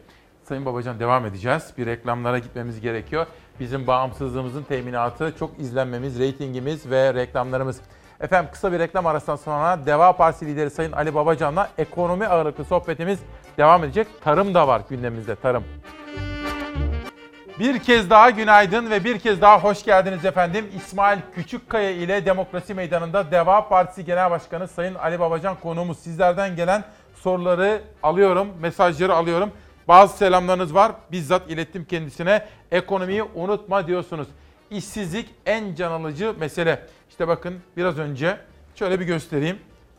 Sözcü gazetesi de hemen manşete taşımış. Ali Babacan'dan korkutan ekonomik değerlendirme bunlar daha iyi günler diyor. Efendim en çok gelen mesaj ne biliyor musunuz Sayın Babacan? Dediğiniz gibi işsizlik. Ama sizden şunu duymak istiyorum. Güçlü bir ülkeyiz. Basiretli bir halkız. Ama sorunlarımız var. Nasıl çıkacağız efendim? Onu anlatın bize biraz. Özellikle ekonomik ve işsizlikle ilgili sorunlardan nasıl kurtulacağız? Türkiye'nin problemlerini çözmenin yegane yolu eğer tek bir kelimeyle bana özetleyin derseniz güven. Yani halkımızın, yatırımcılarımızın bu ülkeye ve bu ülkenin geleceğine güvenle bakabilmesini sağlamak. Ama güveni nasıl oluşturacaksınız? Güveni oluşturmak için öncelikle konuşurken doğruyu konuşacaksınız. Söyledikleriniz doğru olacak. Gerçekten ülkenin problemlerini anladığınızı, bildiğinizi insanlar görecek, duyacak. Problemleri inkar ettiğinizde problemler ortadan kalkmıyor. Türkiye ekonomisi pik yapıyor. Tepe noktada bu, bugün bunu bir cumhurbaşkanı, bir ülkenin cumhurbaşkanı söyleyebiliyorsa artık ondan sonra söylediklerinin bir kıymeti kalmıyor. Problemleri, problemin olduğu gün vatandaşlarımızla paylaşmanız lazım. E hali gerçekten bu sorunlarımız var. Gerçekten şuralarda sıkıntılarımız var. Ama aynı zamanda bizim de bir çözüm planımız var ve çözecek kadrolarımız var diye ortaya çıkmanız lazım. Bakın biz bunu yapıyoruz. Daha yeni henüz 6 ay önce kurulmuş bir siyasi parti olarak diyoruz ki ülkenin sorunları var.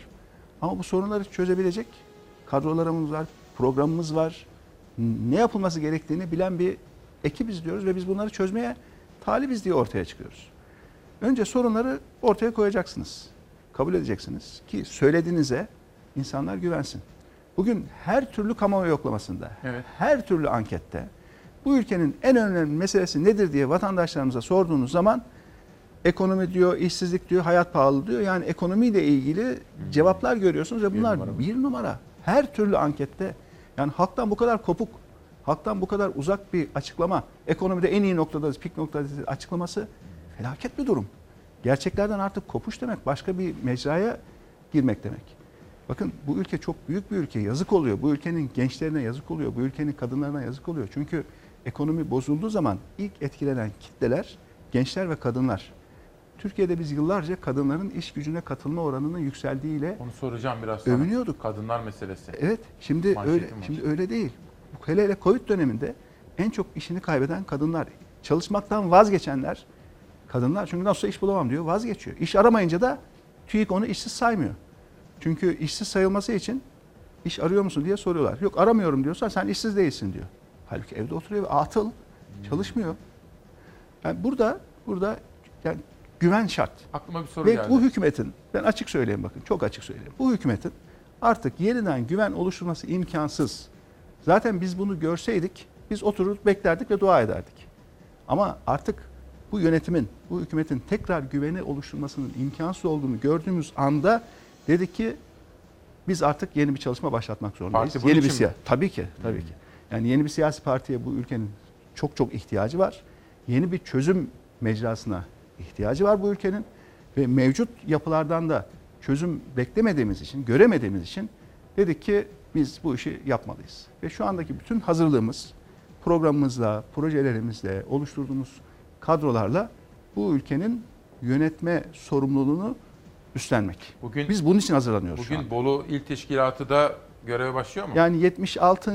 il olarak bugün Bolu heyetiyle arkadaşlarımız e, görüşecekler ve eğer görüşmeler olumlu sonuçlanırsa 76.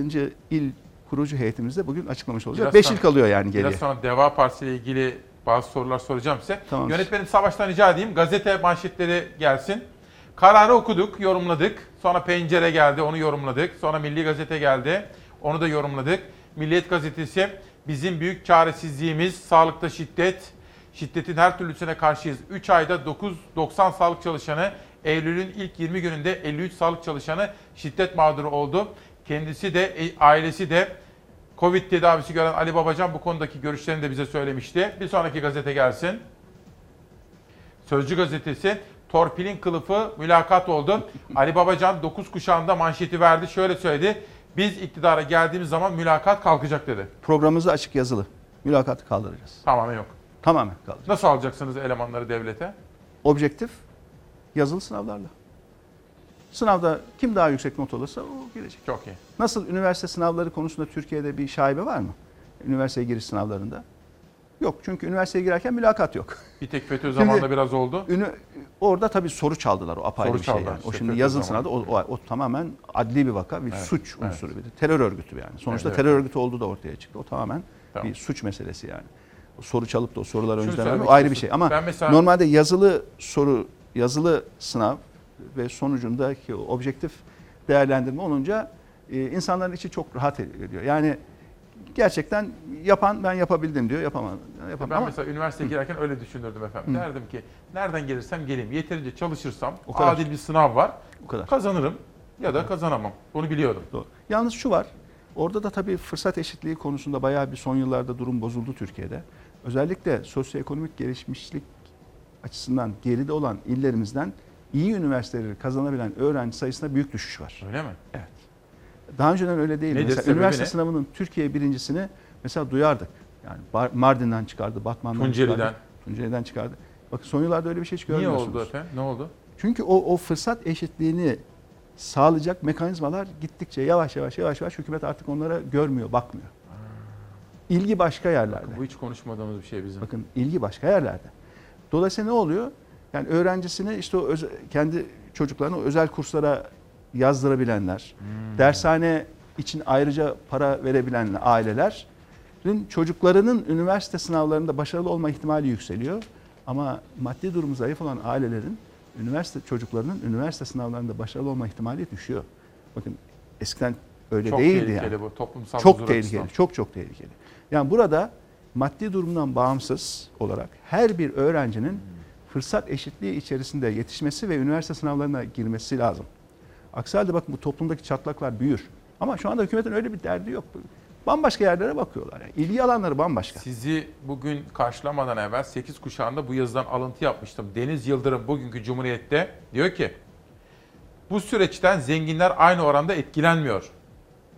Zenginler çocuklarını az öğrencili özel okullara, sınırlı sayıda öğrenci alan kurslara gönderebiliyor.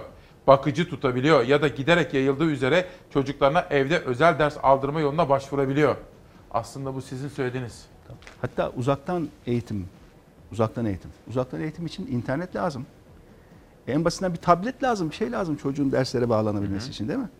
E şimdi 3-4 çocuğu olan bir aileyi düşünün. Biz bakın ilk koronavirüs virüs vakası Türkiye'de 10 Mart'ta 10 Mart'ta açıklandı. Biz 17 Mart'ta daha 7 günlük bir siyasi partiyiz. Partimiz de ayın 9'unda kuruldu biliyorsunuz. Biz 9'unda buradaydık hatta bu stüdyoda.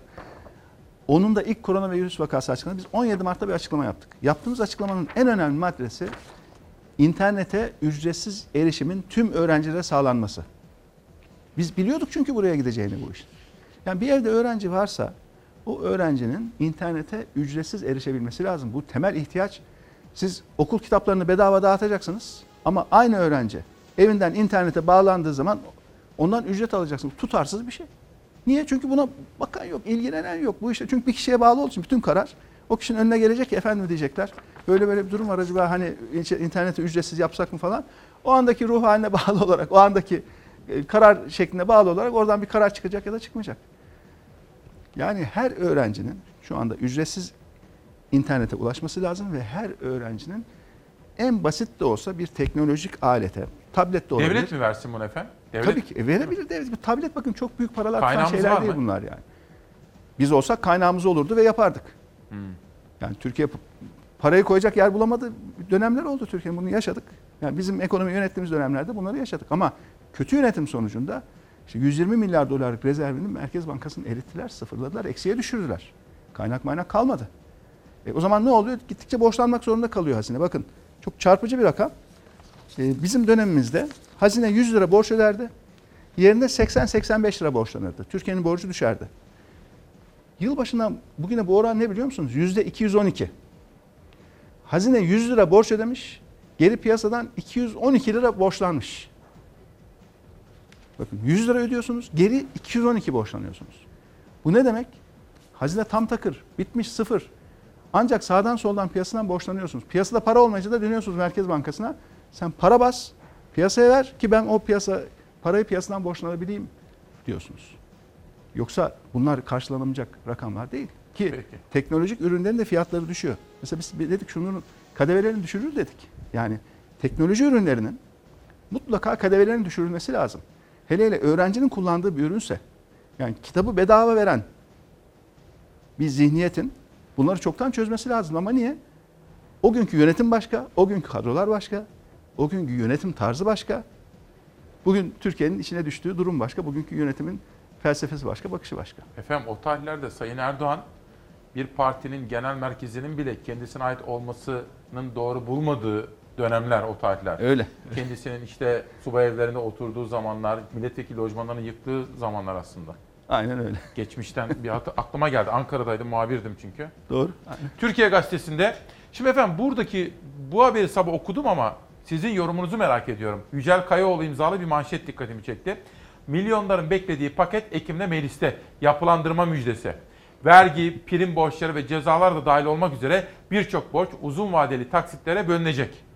Nasıl yorumlar Ali Babacan bunu? Şimdi bu e, böyle birkaç yılda bir yapılan artık rutine binmiş bir olay. Ee, normalde yani vergi affı yanlış bir şey. Yani eğer devletin bir vergi alacağı varsa bu alacağını bir şekilde tahsil etmesi gerekiyor. Ha, ödeme güçlüğü çeken insanlar için de bir miktar taksit yapılması, bir miktar ödeme kolaylığı sağlanması o da dönem dönem yine işin gerçeği. Yani burada tamamen af, silme olmadıktan e, sonra bu tür e, yapılandırmalar zaten rutin. Yani 3-4 yılda bir e, yapılıyor. Yine herhalde bir hazırlık olabilir, olmayabilir. Bugün hazırlık yaparlar, yarın bir talimat gelir, ortadan kalkar. Bunların hepsi olur. Çünkü Türkiye'nin en önemli sorularından bir tanesi de mevzuatla ilgili öngörülmezlik. Yani eskiden bir bakanlar kurulu kararı çıkardı. Bakanlar kurulu kararı hazırlanırdı. 25 tane bakanlık bir kontrolden geçirirdi. Başbakan imzalardı, Cumhurbaşkanı imzalardı ki bir bakanlar kurulu kararı çıksın. Şu anda bakanlar kurulu kararı diye bir şey yok. Şu anda Cumhurbaşkanlığı kararı ve kararnameleri var. O da tek imza. Kimsenin haberi olmadan bir gün bir bakıyorsunuz gecenin bir vakti resmi gazetede pat diye bir şey çıkmış. Ve bu mevzuatla ilgili öngörülemezlik de zaten piyasa oyuncular açısından, yatırımcılar açısından en önemli problemlerden bir tanesi. Zaman- Yarın resmi gazetede ne çıkacağından hiç kimsenin haberi olmuyor. Benim bir efendim- hazırlık süreci falan. Benim sizden anladığım sizin bu başta ekonomi, makro olsun, mikro olsun ve bütün diğer parametrelerdeki sorunlarımızın kaynağı olarak bu yönetildiğimiz sistemde buluyorsunuz değil mi siz? Sistem 2017'de oylandı, anayasa değişti. Evet. 2018'de uygulanmaya başladı. Sistem önemli ama bir o kadar da zihniyet önemli. Yani bugün en iyi sistemde dahi ki Avrupa'da örnekleri var. Şimdi ülke ismi vermek istemiyorum ama Avrupa Avrupa Birliği'ne üye olup da gittikçe otoriterleşen, yani gittikçe demokrasisini kısıtlayan, özgürlükleri kısıtlayan şu anda liderler var. Dolayısıyla liderin zihniyeti de çok önemli burada. Yani bütün suçu e, sisteme yüklemek doğru değil. Yani hem zihniyet, üslup doğru olacak, zihniyet doğru olacak, gerçekten demokrat bir duruş olacak. Gerçekten insanları dinlemeye hazır. Peki. Eleştiriye açık bir üslup olacak, yönetim tarzı olacak, zihniyet olacak ama yanında da doğru bir sistem olacak. Yani en iyi sistem kötü ellerde gayet kötüye kullanılabilir. Ama En en, kötü kötü sistemde- sistem de eğer iyi bir zihniyet, iyi bir yönetim üslubu tarzı varsa daha iyi sonuçlar verebilir. İkisini birden sağlam tutmak lazım. Hem zihniyet hem e, sistem. Sayın Babacan, Amerika'da bir tartışma var. Biz birkaç gündür izleyicilerimize paylaşıyoruz. Çok enteresan bir tartışma. Bir yüksek yargıç vefat etti. Evet. Anayasa Mahkemesi'nin yargıcı. Evet. Amerikan halkı akın akın gidiyor ve ona son yolculuğuna uğurluyor. Çünkü demokrat bir kişilik, özgürlükçü bir kişilik, Doğru. hukukun üstünlüğünü savunan birisi. Şimdi bu meselenin bir bölümü.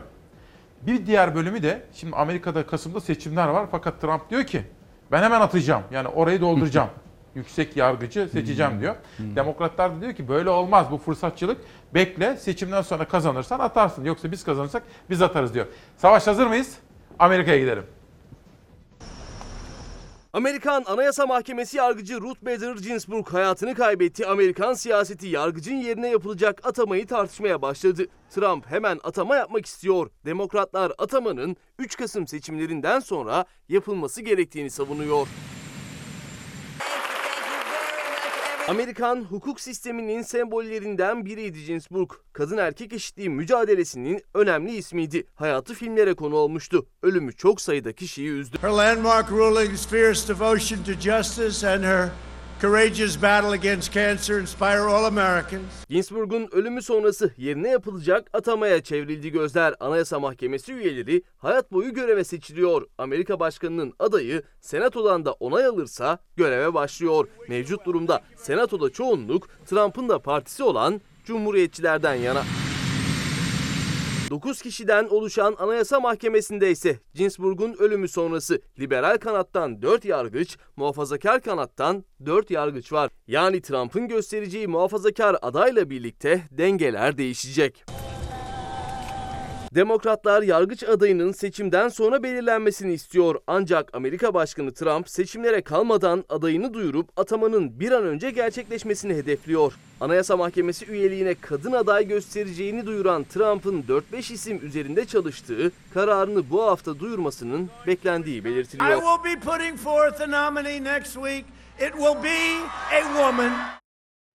Efendim hukuk, hukukun üstünlüğü, yargıç teminatı gibi kavramlar ve Amerika'da yaşananlar. Doğru. Biz ne yapacağız Türkiye'de? Şimdi bu e, Amerika Birleşik Devletleri'ndeki e, vefat eden yargıç e, gerçekten saygın, halk tarafından sevilen bir insandı. E, Şimdi Sayın Trump'ın bu atamayı yapması hukuki meşruiyet açısından sorun yok. Ama siyasi meşruiyeti sorun sorgulanıyor. Çünkü şurada seçime çok az bir süre kalmış. Bu seçimde kazanırsan ata. Ama kazanamazsan da bu kadar ömür boyu görev yapacak bir kişiyi yani döneminin son bir ayında ataman siyasi meşruiyeti zayıf olur deniyor. Böyle bir ta- tartışma kendi içlerinde yaşadıkları bir tartışma. Burada biz kendimize bakmamız lazım. Burada önemli olan nedir? Yüksek mahkemeler söz konusuysa bu yüksek mahkeme üyelerinin e, uzunca süreler görev için süre garantisi verilmesi lazım. Yani bizde e, hayat boyu yok ama sanırım Anayasa Mahkemesi'nin yanılmıyorsam 12 yıl gibi bir e, süre söz konusu. E, ve e, o süre e, içerisinde biz de dokunamıyoruz. Yani atanıyor ve dokunamıyor. Bu nedir? Yani 12 yıl ben buradayım. Dolayısıyla anayasa ne diyor? Evrensel hukuk ne diyor? Kendi yasalarımız ne diyor? Bir de vicdanım ne diyor? Ben buna göre hareket edeyim. Gerçekten bağımsız olayım diye. Yani bu yargıçlar gerçekten bağımsız davranabilsin diye bu süre e, sınırlamaları getiriliyor. Daha doğrusu e, mümkün olunca uzun sürelerde e, göreve getiriyorlar. Bu çok önemli bir e, konu. Yani e, ömür boyu tabii tartışılabilir, yapılabilir, e, yapılmaz ama e, burada işin özüne baktığımızda yargının bağımsızlığı. şey Başka bir şey değil. Yani yargının bağımsız çalışması lazım. Bağımsız olmayan bir yargının tarafsız olması mümkün değil. Sorun o yani. Amerika'daki seçim yüksek siyaset katında çok tartışılıyor da halk katında değil. Bizdeki gelişmeler etkileyebilir mi? Trump'ın veya Joe Biden'ın kazanıp kazanmaması izliyor musunuz siz? Şöyle e, büyük ülkeler arasındaki ilişkilerde ana hatta bir hep süreklilik vardır. Yani aklı başında insanlar, rasyonel insanlar oturup baktıkları zaman karşılıklı çıkarlar önemlidir. Ve bu ilişkilerden kazan kazan sonuçları nasıl oluşturursanız buralara emek harcanır, buralara yoğunlaşılır. Yani öncelikle Türkiye'nin burada çıkarları bir numaradır. Türkiye'nin kendi çıkarları. Oradaki seçim nasıl sonuçlanır bunu bilemeyiz. O olmuş, bu olmuş. Bana göre Çok çok, önemli önemli de değil. Çok önemli de değil. Bizim gidip de on- onların kendi seçimlerine taraf olmamız, şu olsun, bu olsun diye yapmamız da çok uygun değil ki maalesef dönem dönem e, Türkiye'de bu yapıldı. Özellikle 2009 sonrasında çok yapıldı. Başka ülkelerin iç siyasetine, iç seçimlerine müdahale olmak ve bunu göstere göstere yapmak. Biz o kadar bir yüz güçlüyüz ki bak falanca ülkenin girdik. Orada bizim adamımız var. Reklam kampanyası ekibimize gönderdik. Bakın oradaki Ama neler oldu? Ondan sonra neler? Ha, Libya'da neler ha. oldu? Şimdi destekleriniz adam kazanamayınca, karşıdaki kazanınca ne oluyor? O ülkeyi en az bir seçim dönemi kaybediyorsunuz. En az bir seçim dönemi o ülkeyle ilişkiler yerle bir oluyor. Bunlara çok dikkat etmek Bir lazım. sosyal medya mesajı vardı. Bir kadın meselesi var efendim. Kadın meselesi bizim en çok üzerinde durduğumuz konu. Çünkü toplumsal olarak %50-50'yiz. Toplumsal olarak gelişmemizin şartı bu. Tek ayaklı köprü olmayacağına göre çift ayaklı. Şimdi kadınlar barış süreçlerinde yer almalıdır.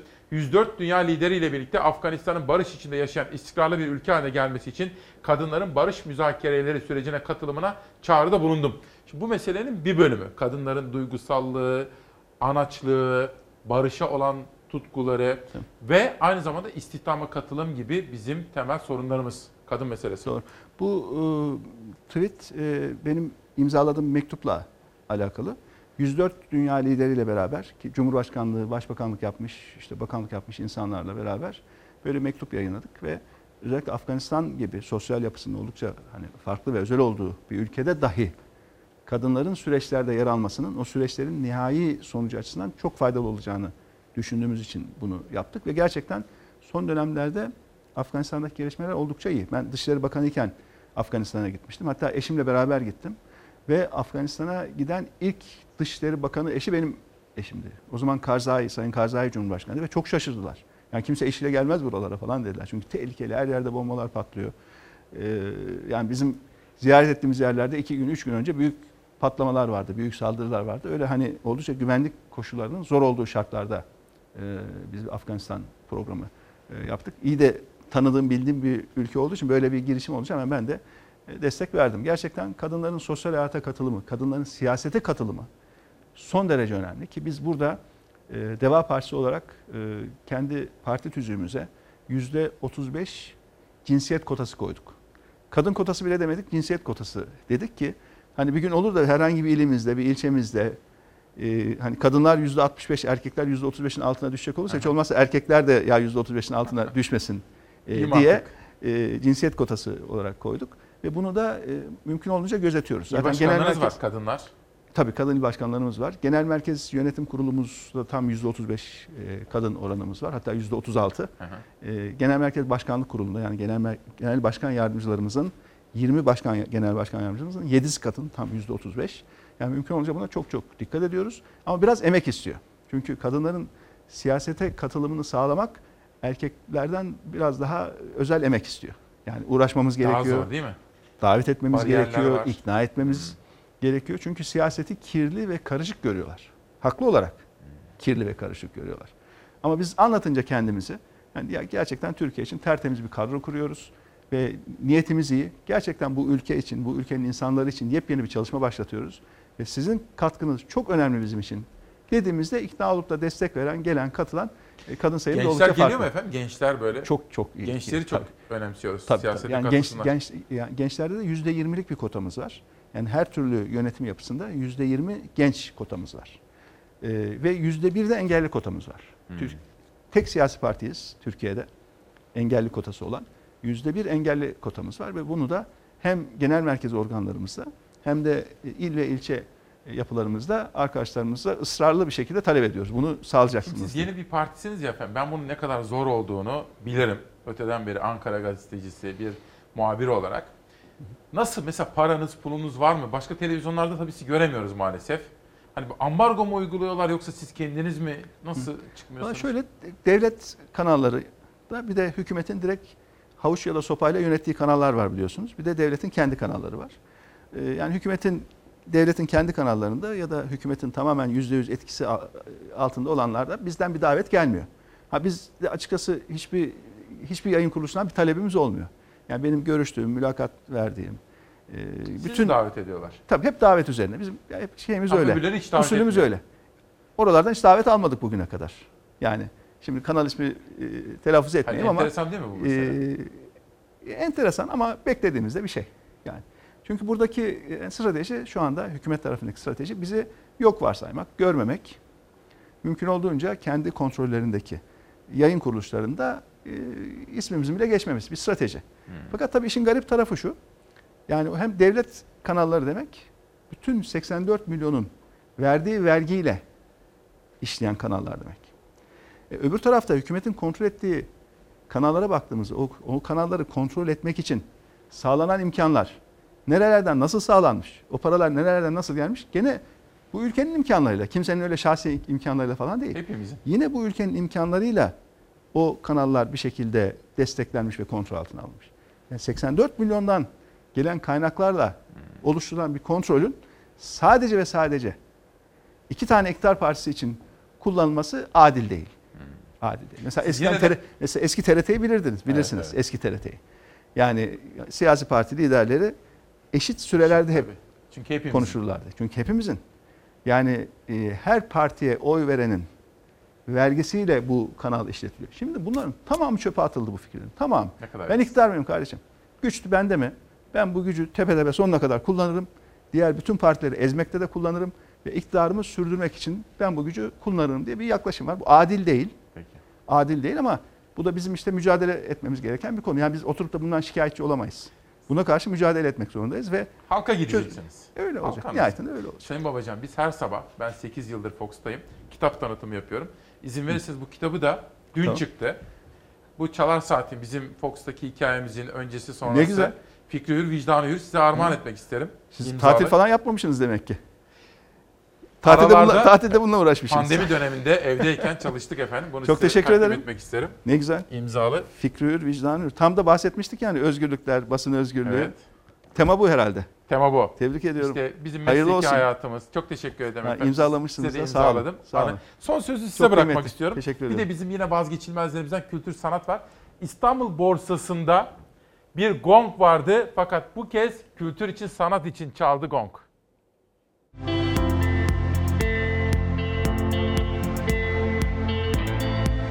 Pandeminin tıkadığı sanatın damarları açılıyor. Borsa İstanbul, Türkiye'nin Çağdaş Sanat Müzesi İstanbul Modern'in projelerine sponsor oldu. Müze geçici adresi Beyoğlu'nda sanatseverleri ağırlamak için kapılarını açıyor. Borsa İstanbul sizin perşembeniz ve genç salı projelerine sponsor oldu. İstanbul Modern her perşembe sabah 11 ve akşam 17 arası herkese ücretsiz. Salı günleri ise 18-25 yaş arası gençler müzeyi ücretsiz ziyaret edebilecek. Perşembe günleri sizin perşembeniz sanatçı atölyeleri projesiyle sanatçıların yaratım süreci ziyaretçilerle paylaşılacak. Sanatçıların eserleri sergilenecek ve film gösterimleri gerçekleşecek. Kısa söyleşiler ve uygulamalar hayata geçecek. Salı günü ise gençlerle sanatçıları buluşturan özel programlar hazırlanacak. Bu haberi de Beyza Gözeyik hazırladı. Şu anda tabii Sözcü'de manşet var. Danışmanım Nihal Kemaloğlu hatırlatıyor. Berkin Elvan cinayeti davasında 17. duruşma bugün. Ayrıca Halk TV'de Ali Babacan'ın buradaki sözleri manşette bu hükümetin artık yeniden güven oluşturması imkansız sözünü almış Halk TV manşette. Bunun dışında Bizon TV'de, Fox TV'de İsmail Küçükkaya'nın konu olan Deva Partisi lideri Babacan maalesef bunlar daha iyi günler, daha kötüsü olabilir diyor. Efendim son sözü size bırakmak istiyorum. Tabii ki sorunlarımız var ama çözüm önerilerimiz de var değil mi? Umutsuz olamayız.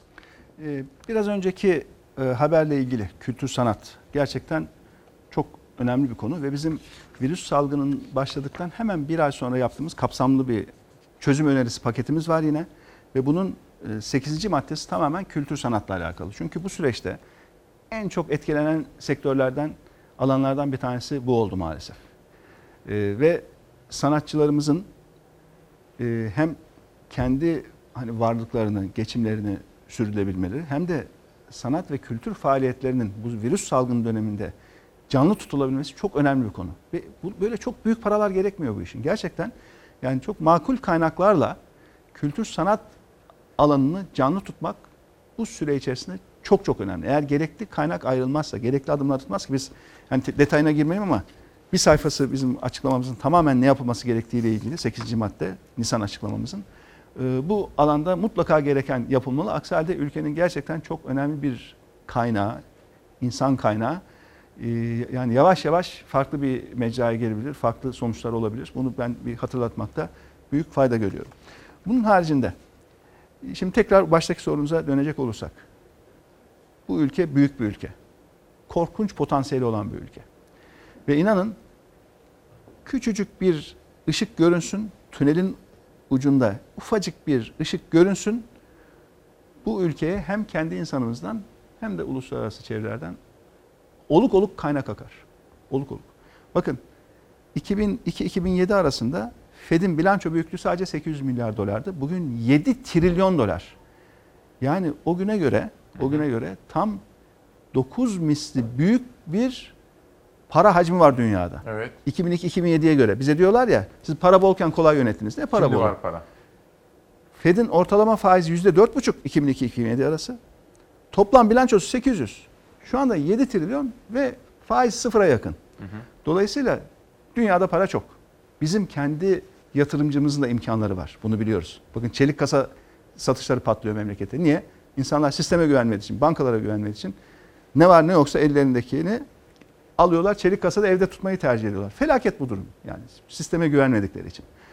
Bu ülkenin potansiyeli korkunç. Çok çok büyük potansiyeli var. Yeter ki bu ülke iyi yönetilsin. Dürüst ve ehil ellerde yönetilsin. Bu ülkenin çıkışı burada. Düzgün kadrolar, dürüst ve ehil kadrolar, düzgün program, iyi projeler. Peki. Ülkemizin önü açık. Sayın Ali Babacan, Deva Partisi lideri, Demokrasi Meydanı'na katıldınız. Çok teşekkür ediyorum. Ben teşekkür Sosyal ediyorum, olun. medyada şu anda Ali Babacan rumuzu bir numara. Yani o kadar gündem oldu ki efendim. İlginize de çok teşekkür ediyorum. İsmail Küçükkaya ile Demokrasi Meydanı yarın sabah sizi bekliyor efendim. Sağlıkla kalın, esen kalın.